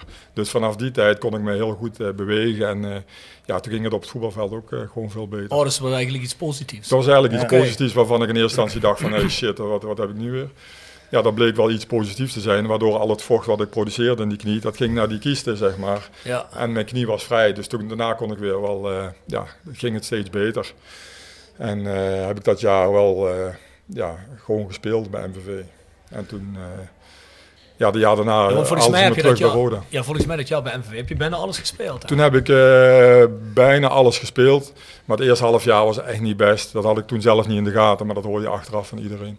Maar ze lieten je gewoon staan. Huh? Ze lieten je gewoon staan bij MVV. Ja, goed. Op een gegeven moment is wel iemand gekomen voor mijn positie. Arjan Vermeulen. Toen ben ik ook zo kwaad geworden. Maar eh, ja, uiteindelijk eh, speelde het niet meer. was er één wedstrijd en daarna speelde ik weer. Dus, eh, en toen, ja, eh, mijn contract liep natuurlijk nog bij Roda. En moest ik weer terug naar Roda. Mhm. Want volgens mij, wie was er toen trainer toen je terugging? Sef Vergoosen, Sef die was eigenlijk Die zag het eigenlijk ook niet zitten in je begin. Nee, hè? helemaal niet. Want Sef Vergoosen was technisch directeur bij MVV en daar had ik nog een akkefietje mee gehad. Want ik was toen zo kwaad geworden op... Voor de Arjen tot ik, ja, tot ik niet speelde, zeg maar. En die training was ik echt heel kwaad. En dan krijg je een zwarte lap voor je, of een rode lap is dat eigenlijk, hè? een rode lap voor je ogen. En toen heb ik ook iemand geraakt, zeg maar, in een tackle, die eh, ook eh, een probleem met zijn knie had. Maar dat was een heel akkefietje uiteindelijk. En, eh, maar goed, dat is allemaal goed gegaan uiteindelijk. Maar toen werd Sef Vergoos trainer bij Roda en eh, die zei ook tegen me van ja, je hoeft niet meer terug te komen, want ik zie geen plek voor jou bij Roda. Dus ga maar terug naar MVV. En vervolgens heb je elke wedstrijd van dat seizoen gespeeld. Ja, toen had ik zoiets van, ja, maar ja, ik ben ook redelijk eigenwijs. En toen had ik zoiets van, nou, eh, ik, eh, want bij MVV ja, gingen ze er ook al vanuit dat ik kwam. En ik hou er niet van als achter de rug, zeg maar, dingen beklonken worden. Ja, ja, zeker. Dus toen had ik zoiets van, nou, ik, eh, nou, ik blijf gewoon bij Roda zitten en eh, ik ga gewoon voor mijn kans. Ja, toen was ik mentaal heel fris, want ik had zoiets van, nou, ik heb toch niks meer te verliezen. Mm. En heel vrij in mijn hoofd. En het ging supergoed in die voorbereiding. Ja, en toen eh, ja, meteen alles gespeeld. Je staat Ja. meteen in de basis en je wordt weer aanvoerder. En, eh, ja. Dus het kan eh, raar lopen bizar, in hè? de voetbal. Ja. Ja, maar dan zie je wel dat er is veel te zeggen voor de juiste mentaliteit te hebben. Hè? Want Ja. als Mark die mentaliteit niet had gehad, had gezegd, fuck it maar, ik ga er gewoon voor en eh, fuck you, wat jullie allemaal zeggen. Dan haal je dat niet. En Nee, dat is toch wel eens wat je, wat je ziet bij spelers, bij jongere spelers. Zeker als ze wat getalenteerder zijn, die puur denken van, oh, ik heb talent, wat willen jullie van me, weet je wel. ja, maar talenten, dat is, het is heel fijn als je het hebt. Maar het gaat uiteindelijk om Ja, mentaliteit. zeker. Ja, maar dat is één ding. Maar je moet natuurlijk ook, kijk, als Sef Vergoos had gezegd, ja, maar ga maar in kleedlokaal 2 zitten, je mag niet eens aan oefenwedstrijden meespelen. Ja, dan had Dat je kun ook je gewoon niet. natuurlijk. Ja, ja. Dus je moet ook wel die kans krijgen. Nee, daar moet je ook geluk in hebben. Want volgens mij was het toen... Had wel een alternatief überhaupt dan? Nou ja, dat was het dus. eh, dat was het probleem. Want eh, volgens mij hadden ze toen in die tijd Marius Kielka. Ja, zoiets. En ja. die, zou, cen- die had het centraal gestaan, die ging op een gegeven moment weg. Dus er waren ook niet heel veel opties. En het was ook nog zo, Regilio Vrede stond toen in het centrum. Daar konden niet veel jongens mee spelen, zeg maar. Want Regilio was redelijk aanwezig in het veld. Die kon iedereen eh, behoorlijk op, op zijn plaats zetten. En ja, niet iedereen kon er tegen, zeg maar. Dus ze vonden het heel moeilijk om met hem centraal te spelen. Ja, ik had daar geen enkel probleem mee. Ja, En, en eh, allemaal in elkaar. Ja, dus eh, je moet ook wat, ik bedoel, je moet ook gewoon wat geluk hebben ook in je carrière. Tuurlijk, dat hoort er altijd bij, Ja. denk ik. Maar zoals je zegt, de mentaliteit is, is belangrijk. Je hebt zoveel spelers die denken dat ze er puur op talent komen. Zoveel getalenteerde spelers al ja, eigenlijk een loopbaan zien weggooien omdat ze Mhm. mentaal niet in orde zijn. Hè? Bij MVV, dat ene jaar, hè, maar zeker die laatste twee jaar dat je bij MVV gespeeld hebt, dan kom je eigenlijk binnen na 16 jaar Roda als Roda-icoon. Vonden ze dat toen al bij MVV wat, eh, wat minder? Of hoe reageerden het, eh, de toeschouwers erop? Hadden die zoiets van, eh, wat moet dat pru zijn? Nee, maar ik heb dat nooit gehad met, eh met de NVV. Ook niet eh, in de stad of waar ik ook kwam. Ik denk misschien ook omdat je van, eh, uit de streek komt, misschien toch? Ja, misschien wel, ik weet het niet. Maar ik heb, ja, zeg wel vroeger ook altijd MVV-supporter geweest. En uiteindelijk heeft MVV mijn carrière ook gered, zeg maar, na mijn blessure. Ja. Want als ik daar niet terecht kon, ja, dan was, mijn, ja, was het sowieso de carrière was, voorbij geweest. Want bij Roda kwam ik echt niet meer aan de bak op dat moment. Dus ik heb heel veel aan MVV te danken. En ik wilde ook, eh, zeg maar, op mijn 34ste was ik dat. Toen kon ik ook echt ja, niet meer eigenlijk mee op het hoogste niveau. Dus, eh, maar ik wilde ook nog niet meteen in, de, in de staf bij Roda terechtkomen, want ik vond het toch wel lastig, zeg maar. Als je speler bent geweest en je moet het jaar daarna meteen in de staf. Ik denk dat is ook niet echt lekker. En MVV had interesse, dus ja, eh, MVV is sowieso een club die, ja, die mij ook aan het hart ligt. Dus eh, ja, dat was prima om daar nog twee jaar eh, te voetballen. Ja, want volgens mij, Roda in die tijd zei toen als je nu naar MVV gaat, dan weten we niet of we je nog in de staf willen opnemen. Klopt toch? Hè? Dat staat me toch goed bij, of niet? Nou, er waren misschien Of wel mensen die dat zeiden, maar ik had gewoon een terugkomgarantie in het contract. Ook Emma altijd afgevraagd, waarom zou iemand dat zeggen? Dat staat dan als een Nee, raar ja, als je goed. niet meer aan de bak komt, eh, je wilt toch je carrière een beetje laten uitklinken? Dat kan toch gewoon, of niet? Nee, ja goed, ik heb ook op een gegeven moment bij Roda, en, eh, toen ik was wat jonger, heb ik het contract voor eh, een bepaalde tijd heb ik toen eh, getekend. En dat, was, dat zat ook een clausule toen in om eh, na mijn carrière gewoon bij Roda aan de slag te gaan. Dus op het moment dat ik getekend had bij MV had ik ook wel, in het contract gewoon tot ik, een, eh, tot ik zou terugkomen Nou ja. bij Roda, zeg maar. Want dat had ik natuurlijk nooit weggegooid anders, anders was ik wel meteen begonnen. Ja, ja, zeker. Ja, dus... eh, nee, maar goed, ik heb daar twee leuke jaren gehad nog bij MVV. En eh, ik was voor mijn gevoel ook nog niet helemaal klaar op mijn 34ste. Ik had toch nog zoiets van, ik wil lekker naar voetballen. Want ik had er nog wel heel veel plezier in. Ook al wist ik dat het niet meer zeg maar, top was. Maar ja, ik wilde het wel nog zelf heel graag. Dus eh, en na die twee jaar had ik wel echt zoiets van, nou, oké, nu is het ook echt klaar, zeg maar. Toen was ik er ook helemaal klaar mee. Hoe oud was je toen? 36e ben ik gestopt. Ja, oké. Dat is een mooie leeftijd, toch? Ja, nee, ik heb het nog lang volgehouden. Eh, maar goed, dus ja, ik heb gewoon een super leuke carrière gehad. En, eh, Volgens mij heeft Mark ook in de laatste twee jaar bij MVV een derde van al zijn goals in zijn carrière gescoord. Volgens mij heb je er acht gescoord in de waar? laatste vier, Echt? die laatste twee jaar. Volgens mij wel. dat kan bijna. Of. Wikipedia Dat- kan-. Ja, dat lijkt me wel. Ik kan me niet voorstellen dat ik zo goed was in één keer. Ja, transfermarkt. Zit je niet meer op transfermarkt? Ook. Maar er was alleen maar iets te vinden over Mark als trainer. Trainer. Echt. Ja, en daar moeten we het ook even over hebben, hè, want daar gaan een hoop vragen. Ik ga heel eventjes kijken of we Mark Versnapering kunnen regelen. Moet jij nog iets hebben? Nee jongen, we hebben het er nog wat. Oh, maar ik heb een watertje, prima. Weet je, weet je niet. Ja, Nee, weet je het zeker? ja, dan ga ik misschien andere dingen zeggen allemaal. Ja, kom, dan ga ik hem zeker aan. Oké. Heb je hem al opgezocht? Ja, godverdomme, dan zeg je maar wat, hè. eh, Italiaanse verdette. Nou, dat je dat niet weet. Ja, Dat gaat niet. Dat dat is weten. echt de man. Eh, Delhi Ja, Dynamo's. ik zal het jou gewoon zeggen. Hoef je niet op te zoeken. Del Piero. Ach, Del Piero. wat zei ik alweer? Pirlo. Pirlo. Ja, Del lijkt wel een beetje op elkaar, hè. ja, zeker. Del Piero. Maar die was echt groot, hè. Die Del Piero. Godverdomme. Goede voetballer was dat vroeger. vroeger. Hey, Bij ons had niet meer, maar vroeger wel. Nee, maar ik kan me wel voorstellen dat je als je harm bent, dat je zegt van ja, Del Piero, wat wil je spelen? ja, s- Ja, maar hij kwam toen. Hij, hij was sowieso al te laat, zeg maar. Want we waren al met de voorbereiding begonnen. En hij kwam vlak voor de laatste oefenwedstrijd voordat het begon. Dus die speelde die. Nou, hij werd, en we speelden echt tegen, ik denk in Nederland misschien een vierde of vijfde klasse. Dat zag er echt niet uit. Maar die werd alle kanten voorbij gelopen. Want hij kon gewoon niet meer lopen toen. Maar ja, dus Harm had zoiets van, joh, ja, laten we jou gewoon, eh, dankjewel, rustig brengen. Want ja, de wedstrijden volgen elkaar heel snel op, zeg maar. Als jij meteen zoveel wedstrijden moet spelen, dat gaat niet. Want dan raak je geblesseerd, dus we kunnen je beter langzaam brengen. Maar dat viel niet zo goed. dat viel niet zo goed. ja, Rob, ik ben er inmiddels achter, jongen, wie die Italiaanse speler was. hè. Del Piero. Oh, je was Del Piero. Ja, Del Piero. Ja, man, eh, ja. Ja, Mijn ja had je toch wel mogen weten. Ja, ja, ja, ik, wist het eigenlijk al die tijd al, maar ik wou, ik wou kijken of even. Voor mij eh, favoriete speler van de laatste 15, 20 jaar Italië is toch wel Pirlo. Schitterend. Pirlo. Ja. Del Piero zat er net voor, maar die heeft ook aardig wat gewonnen in zijn carrière. Ja. ja, zeker wat gewonnen. Veel. Ja. Het is toch wel eh, legendarisch. Ja, zeker. ook wel die, eh, ik zie het helemaal voor me hoe Harm dat doet. ja, maar het was echt maar zo'n grootheid, zeg maar, over de hele wereld is hij gewoon echt super bekend. Daar kwamen zelf mensen naar India, gewoon vanuit Italië. Echt bizar. Die mensen hebben een vliegticket betaald voor anderhalf Ja. duizend euro. Ja. Hotel, alles erbij, tripjes. En dan gaan ze Precies. Piero kijken en dan zegt, zegt Harm, ja die speelt vandaag niet. ja, ik vind het wel lef hebben. Weet je trouwens, toen ik bij Kerkrade West speelde, dat ze mij daar Pipo Inzaghi noemden?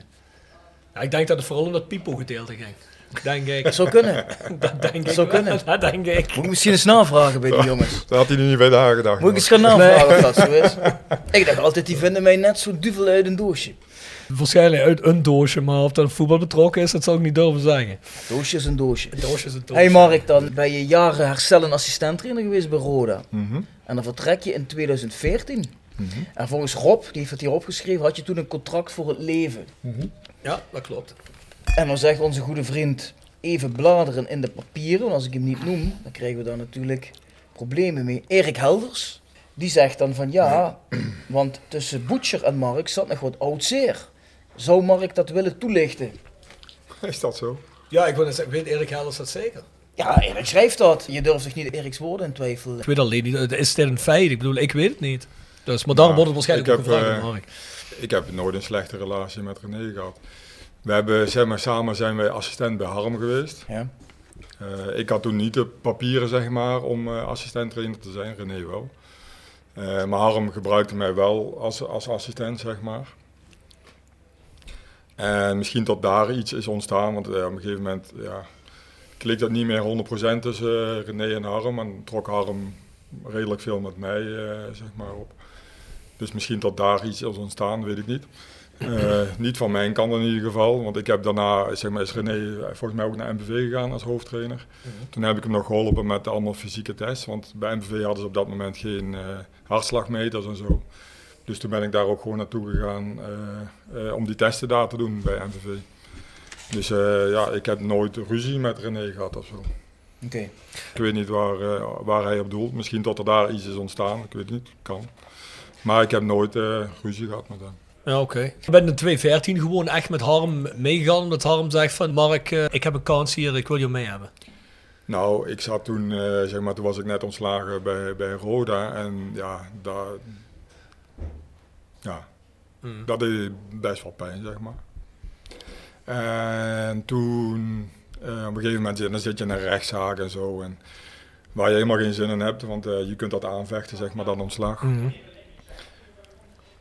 En dat kun je doen, want misschien had ik het ook wel gewonnen, maar ja, dan ga je dus met mensen werken die je waarschijnlijk toch niet willen, zeg maar, dus dat is ook niet fijn. Mhm. Maar goed, dat, dan, ja, dan gaat een heleboel door je hoofd. En op een gegeven moment kwam Harm van, heb je zin om met mij mee naar, naar India te gaan? En eh, ja, normaal is dat niks voor mij, want ik ben redelijk honkvast. En eh, graag ook thuis. Maar ja, nu had ik wel zoiets van, nou, het is misschien wel lekker om, het, eh, om even weg te zijn. Dus dat heb ik toen gedaan. En ben ik met Harm toen naar India gegaan. Nou, hebben jullie een jaartje met Del Piero gewerkt?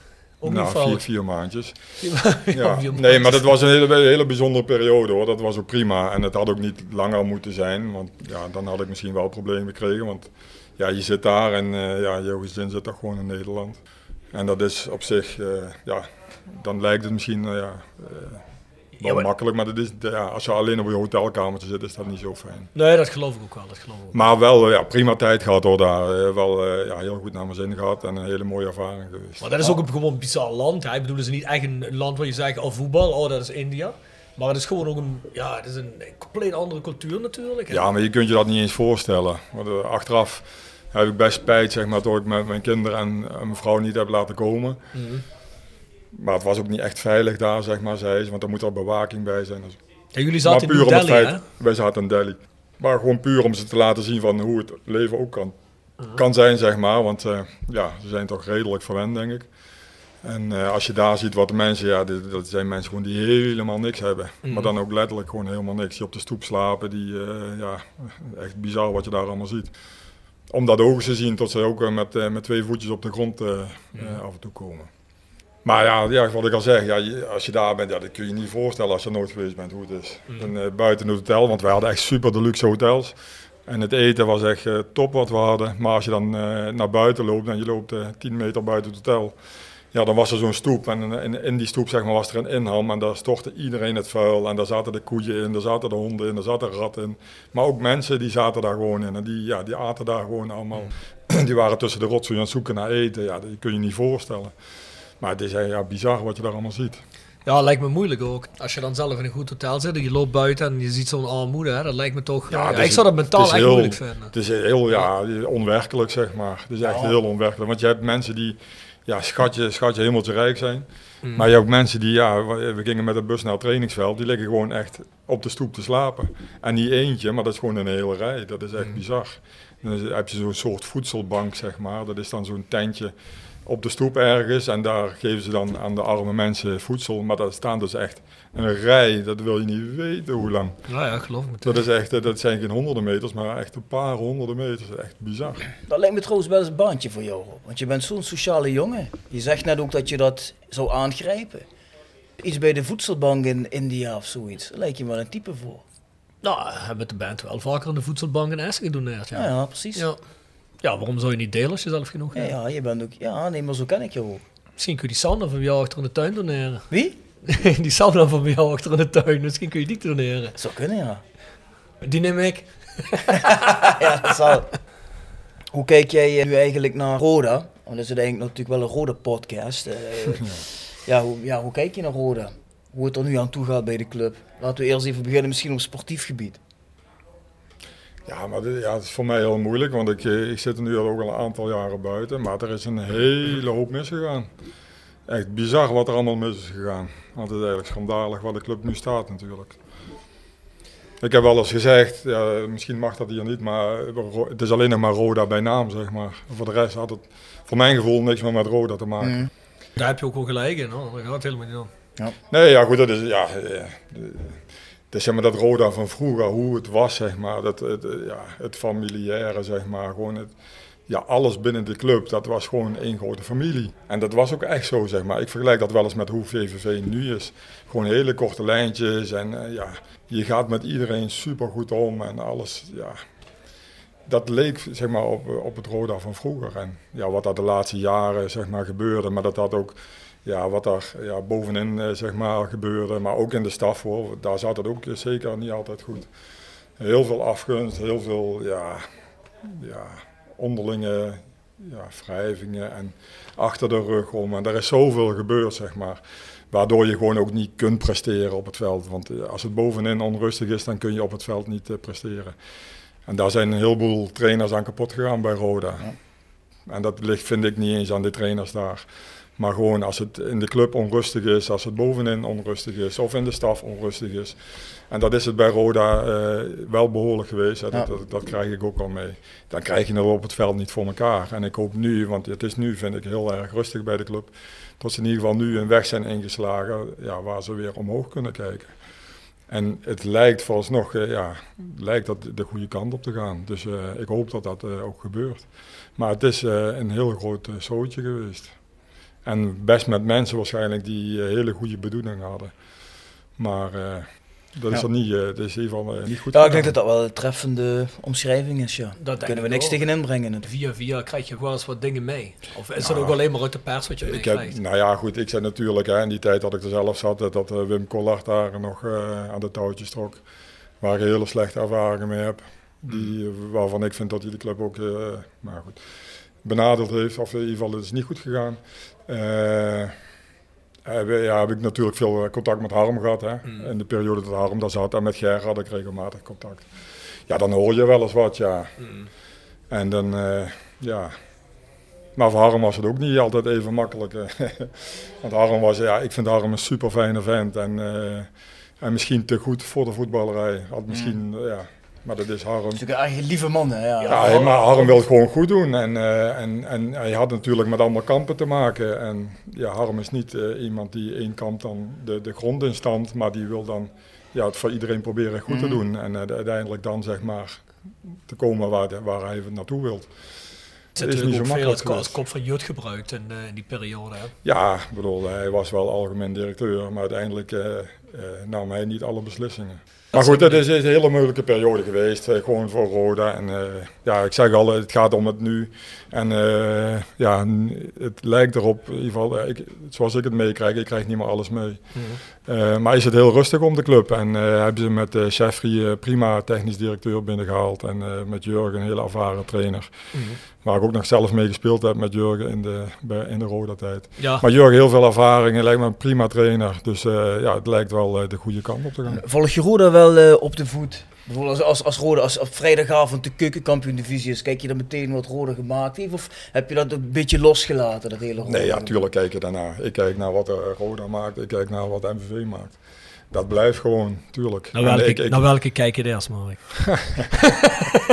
ja, nou, degene die bovenaan staat als je teletext Ja, nee, zo. Nee, maar je, je volgt dat wel nog. En ik ben ook wel nog wel een paar keer naar Roda geweest, geweest kijken. Want eh, ja, Roda blijft gewoon een superleuke club, ook voor mij. Ik heb alleen problemen met een aantal mensen gehad, maar die mensen zijn ook niet Roda.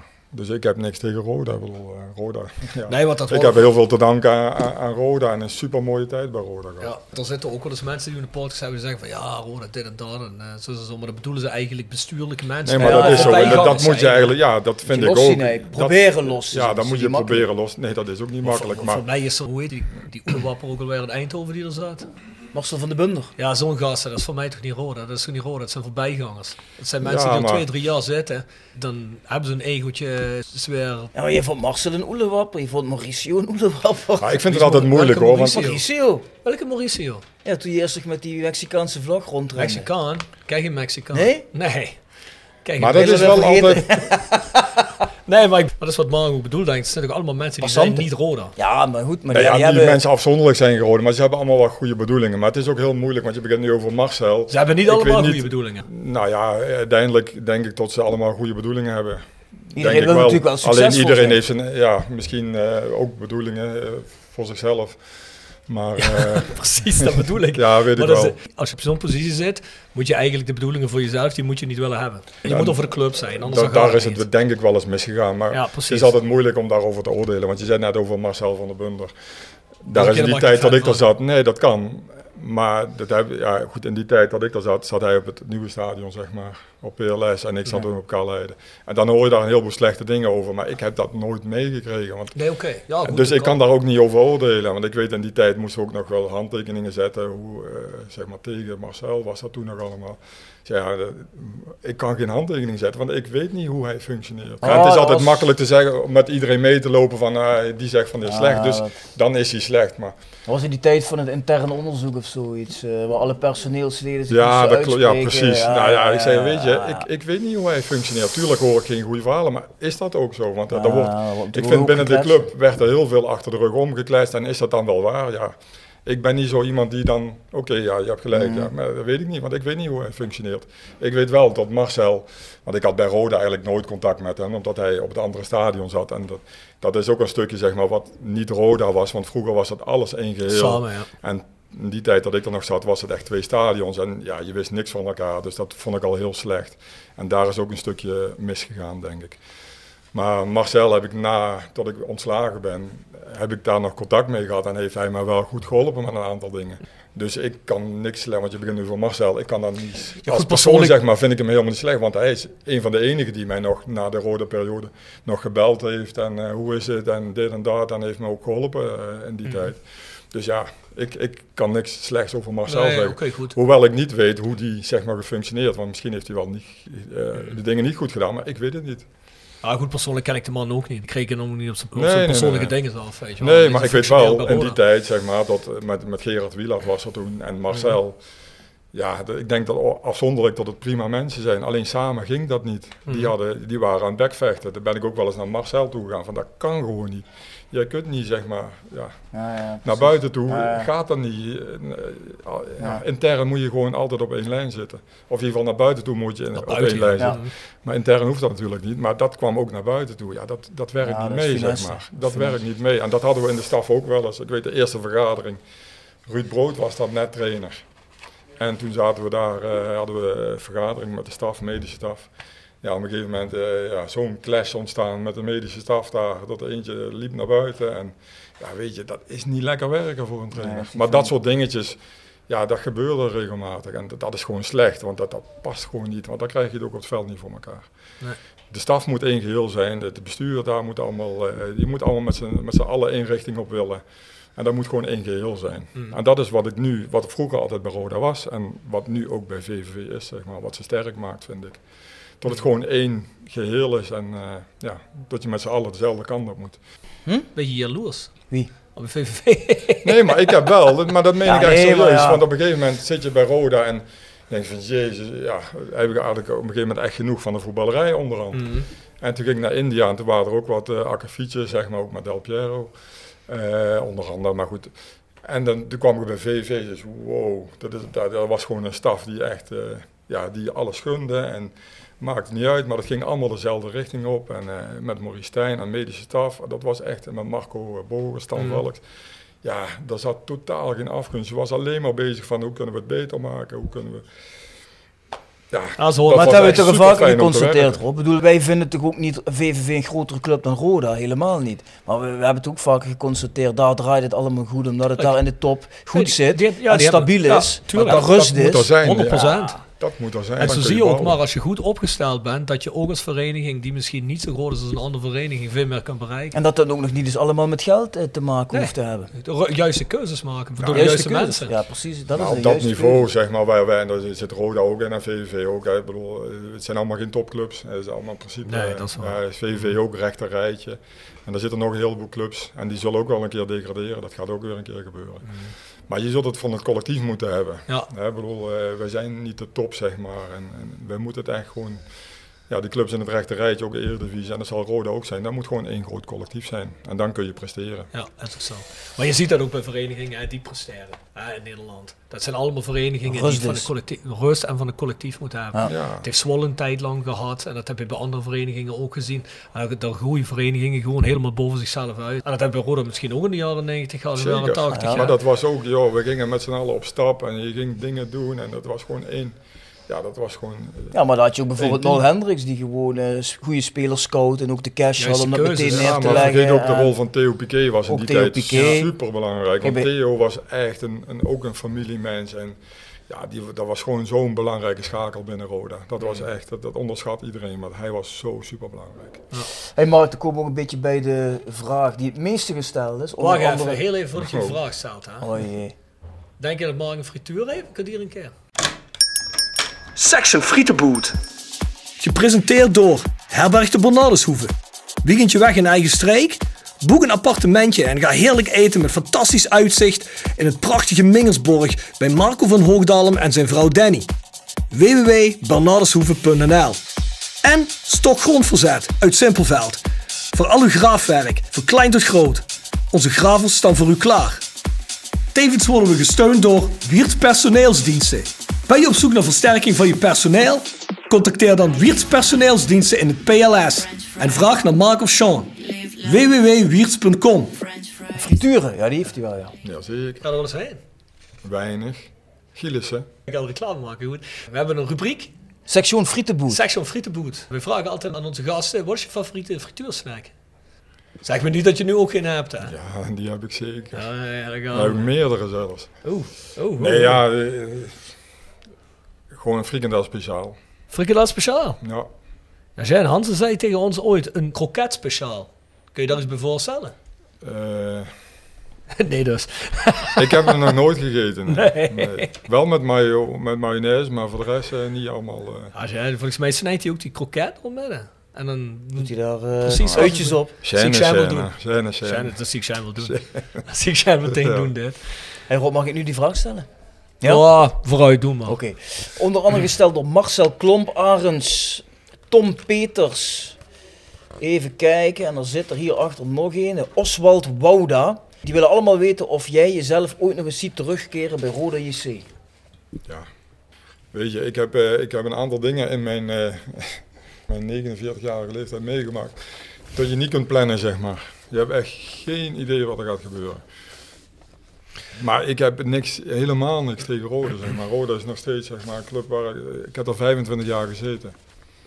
Dus waar ik altijd eh, ja, een goed gevoel bij heb gehad. Helft van je leven. De, ja, de helft van mijn leven waar ik op een hele, hele, hele vervelende manier, in ieder geval voor mij, zeg maar, ben weggegaan. Ben wij moeten gaan. Eh, maar goed, dat heeft met mensen te maken en niet met de club. Maar die mensen zijn volgens mij allemaal weg, hè, of niet? Die mensen zijn allemaal weg. Dus ja, wie weet wat de toekomst brengt. Ja, ja, je kunt niet in een glazen bol kijken, of kun je wel kijken? Nee, waarschijnlijk maar, weinig. maar op dit moment heb Ja. ik het ook super goed naar mijn zin bij VVV. Dus echt, eh, ja. Maar ik vind dat Mark gewoon nog meer ervaring moet opdoen. Dat bij VVV. nog meer en dat hij al die kennis meeneemt. Wat zeg je daarvan?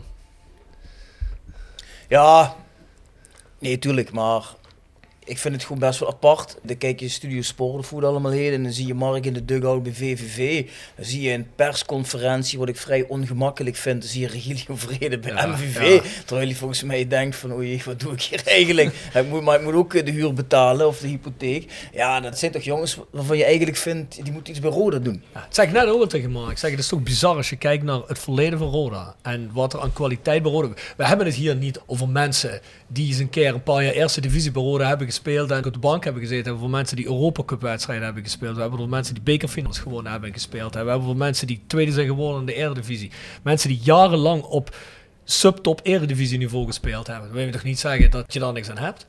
Nee, maar het moet ook passen, zeg maar. Hè. Als er een staf komt, hè, je ziet, eh, ja, wat ik heel belangrijk vind, is dat eh, ja, een staf die moet gewoon 100% met elkaar door een deur kunnen. Dus het moet ook altijd maar passen. En, eh, en je ziet ook dat dat nu ook met, met Jurgen, die had ook assistenten erbij, waarvan die, ja, die, die 100% vertrouwt.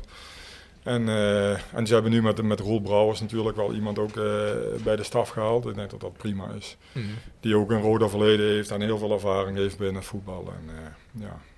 Maar ik hoop ook dat Ger nog altijd een keer, Ger zijn altijd nog een keer gewoon terug gaat bij Mm. Roda. Want die vind ik echt bij Roda horen.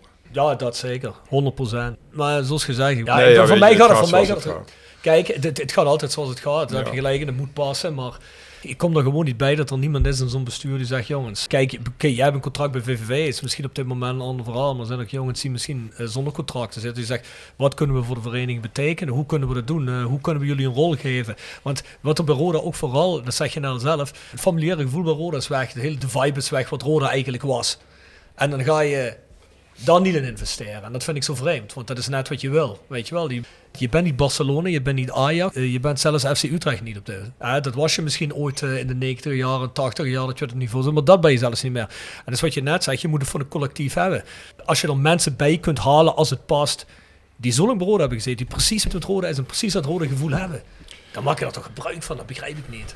Dat vind ik raar. Ik vind dat Nou ja, raar. ik denk dat het wel. Nou ja, je ziet in ieder geval, hè, dan kom ik weer terug op VVV. Maar bij ons is het Jai Driessen, zeg maar. Hè, dat is ook Mm. een, een VVV-icoon. Ja, die ook gewoon heel belangrijk is eh, binnen de staf. En Mm. eh, die ook die binding heeft met het publiek. En die, die, die hele stad die kent, die de hele club kent. Ik denk dat het wel belangrijk is dat je zo iemand. eh, dat, in ieder geval dat het een pre is als je zo iemand in, in, in, in de Ja. staf hebt. Maar zo iemand heb je toch nu niet in de staf zitten bij Roda? Kijk, je hebt Roel Brasman, maar Nou ja, heel lang weg geweest Roel, ook, eh, hè? Ja, dat is ook zo. Maar goed, weet je. Nee, maar ik- ik, ik- noem ik maar een voorbeeldje. Het kan ook anders. Hè. Ik bedoel, eh, bedoel, het collectief kan ook komen met, met Jurgen en zijn staf. hè. Ik Tuurlijk, bedoel, tuurlijk, tuurlijk. Je moet gewoon met z'n allen in dezelfde richting op. En, Tuurlijk. eh, Nee, maar zou dat voor Jurgen nou zo'n ramp zijn als hij in plaats van Raymond Strijbos uit Helmond, als je daar Regilio Vrede naast zich heeft zitten? Nou ja, met Raymond Strijbos weet hij natuurlijk wat hij heeft. Precies Daar heeft hij jarenlang mee gewerkt. En hij, hij, ja, die kent natuurlijk de, de, de werkwijze van, van, eh van Streppel heel erg goed.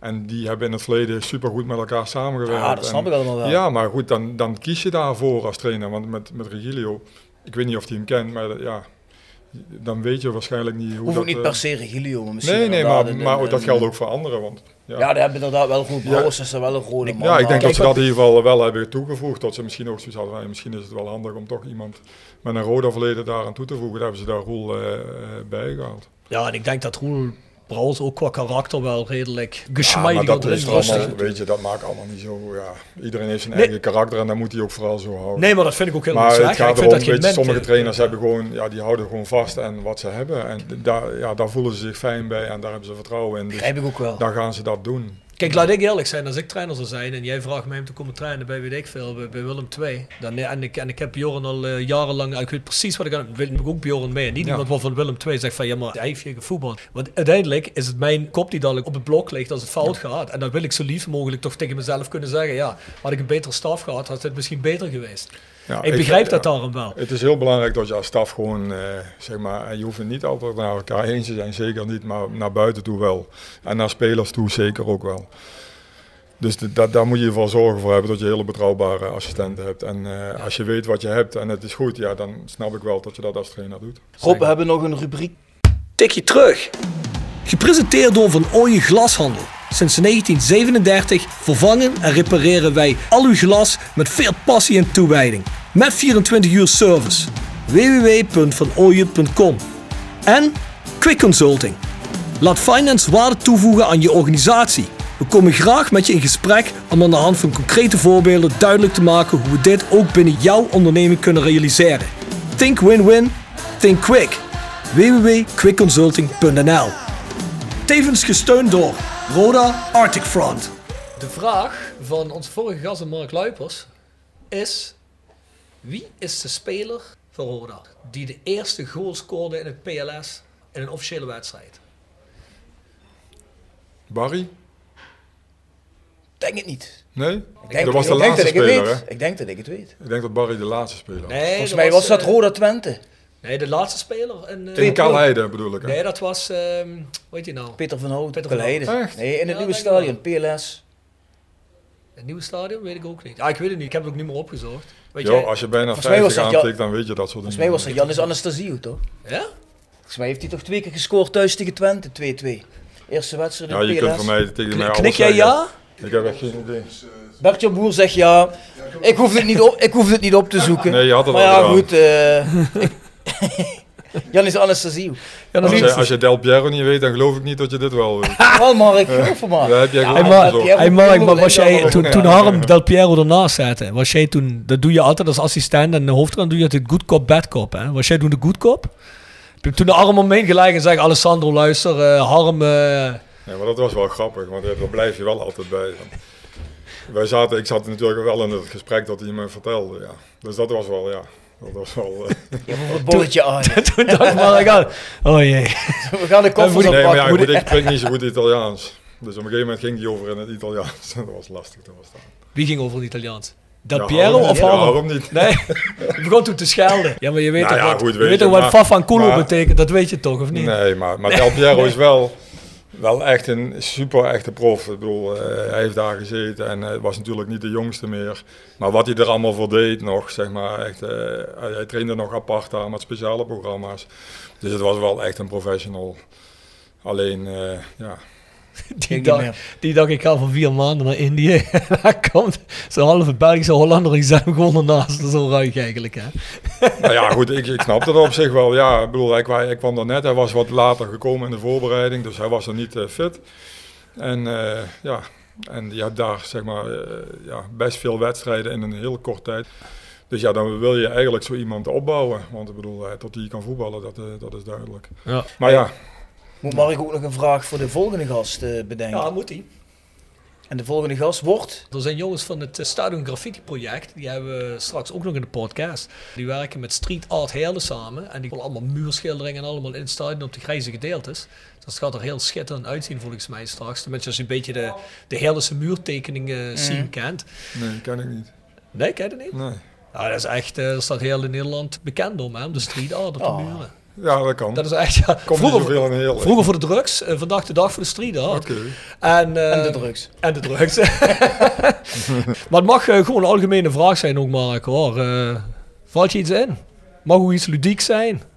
Kijk me niet zo aan. Er zit hem me niet- gewoon van me aan te kijken. Dat gaat niet vanzelf. Ik, ik sta, Daar moet ik over denken. Heb je niet nog een andere vraag voor me? Nee jongen, we zijn door de vragen heen. Dus, eh, Helemaal niks met de vragen. Jezus. Nu moet jij met een vraag komen. Maar, Misschien iets. Roda gerelateerd? Maar zij gaan dus graffiti, zeg maar, eh, in het stadion. eh. Ja, dat is niet alleen graffiti. Het wordt ook eh, murals. Dat is echt heel kunstig wordt dat. Dat wordt helemaal. Dat is ook, dat zou zelfs kunnen dat jij er ook nog in voorkomt allemaal. Dat wordt in de spelerstunnel wordt dat gedaan. En dan wordt dat, je, je, kent de hoeken van het stadion wel, hè? die grijze Ja, gedeeltes. die en ken ik nog wel, Ja, ja.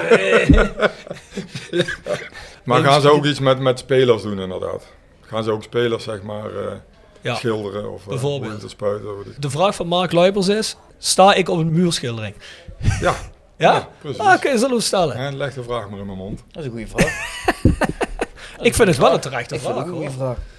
Want luister, zeker dat succeselftal van 94, 95, dat mag toch wel bijna iedereen van voorkomen. Zeker mensen die 16 jaar gevoetbald hebben bij de club. Vind hè? ik ook. Vind ik ook. Goeie vraag. Dat bedoel ik niet eens ironisch. ik vind toch toch dat Mark op het einde nog heel even die Nol Hendricks imitatie moet doen. Nee. Die zit er niet meer in. Dat is echt. Trouwens, ik heb met Maurice Graaf afgesproken dat hij binnenkort weer een keertje langskomt. Ja. Dat hij dan ook voor een biertje blijft en dergelijke. hè. Want we moeten nog de prijs uitreiken. Maar vorig seizoen hadden we het publiek gevraagd wie was jullie favoriete gast. Ja, er is er maar één natuurlijk die de Ah. publieksprijs gewonnen heeft. Dat is die maat van jou. Dus daar hebben we ook nog een beker die we moeten uitreiken voor hem. Hij kan het wel goed, hè? Ja, hij kan dat goed hè. Hij kan het goed, ja. Eigenlijk, eigenlijk hoef je niet te praten op zijn podcast met Maurice Graaf. Nee, dan kunnen wij net zo goed wegblijven. Want hij zegt tegen mij, ik heb hem, ik zeg Maurice, ik zeg, ik heb een mooie mening voor je. Je hebt de publieksprijs gewonnen. Je hebt mensen vonden jou de favoriete gast van vorig jaar. Ja, Dus- logisch, zegt hij dan. Ja, Ja. ja. dat zegt Ja. hij. Ik zeg, ik heb helaas geen prijs voor je. Hij zegt, ja, dat zou de eerste prijs zijn geweest die ik in mijn carrière gewonnen had. Ik zeg, pas op, dan ga ik wat regelen voor je. En nu hebben ze een beker staan van zo hoog voor hem. Dus Maurice moet hier een vangst komen nemen in een podcast. Hè? Ja. Ja. Maar dan komt hij weer in de podcast. Ja, Dan gaat hij ja. weer met de prijs eh, er vandoor. wie weet. Je moet de titelverdediger een kans geven. hè? Nee, maar we hebben de vorige keer hebben we hem na anderhalf uur moeten afkappen. Dus hij was pas op, was op een kwart van zijn anekdotes. Ja. Dus, eh, we ben bang hij- podcasts met Maurice Maar toch is het wel ik. knap als je zoveel anekdotes kunt vertellen. Ja, zeker knap. Ja. Hey, maar soms doen we podcasts om bepaalde thema's heen. Vorig jaar hebben we er een eh, uitgebreide gemaakt, de promotie. 14, 15, 14, 15. We gaan ook over seizoen 94, 95 dit jaar op een bepaalde datum iets doen. Dus dan moet je toch een keer terugkomen, misschien met Maurice samen, nog iemand anders samen. Gezellig met z'n allen. Zeker. En Rob, ik denk dat we nog heel snel een rondje sponsoren moeten bedanken en dan afsluiten, want de gasten komen hier naar binnen in de Veilerhof. Dat gaan we Nou, doen. heb jullie voor mij uitgenodigd? Ja. Allemaal fans van eh, Mark nou, dan hebben we Jiggers Advocaten, Nextdoor, Kapsalon, Nagel en Beauty Salon. Hotelrestaurant de Vellerhof, Herberg de Bernardeshoeve. Noordwand, www.gsrbmusic.com. Stokgrondverzet, Rapi Autodemontage. Van Ooyen Glashandel, Quick Consulting. iPhone Reparatie Limburg, Willeweber Keukens. Financieel Fit Consultant, Wiels Personeelsdiensten. Fandom Merchandising Sky Arts Pick. en Roda Arctic Front. Roda fans uit. Scandinavië. Nou, heb je nog vragen? Stuur die naar thevoiceofcalais@south16.com en dan horen we jullie volgende week weer. Mark, bedankt hè, jongen. Bedankt Mark. Tot ziens. Tot ziens. Yes, yes.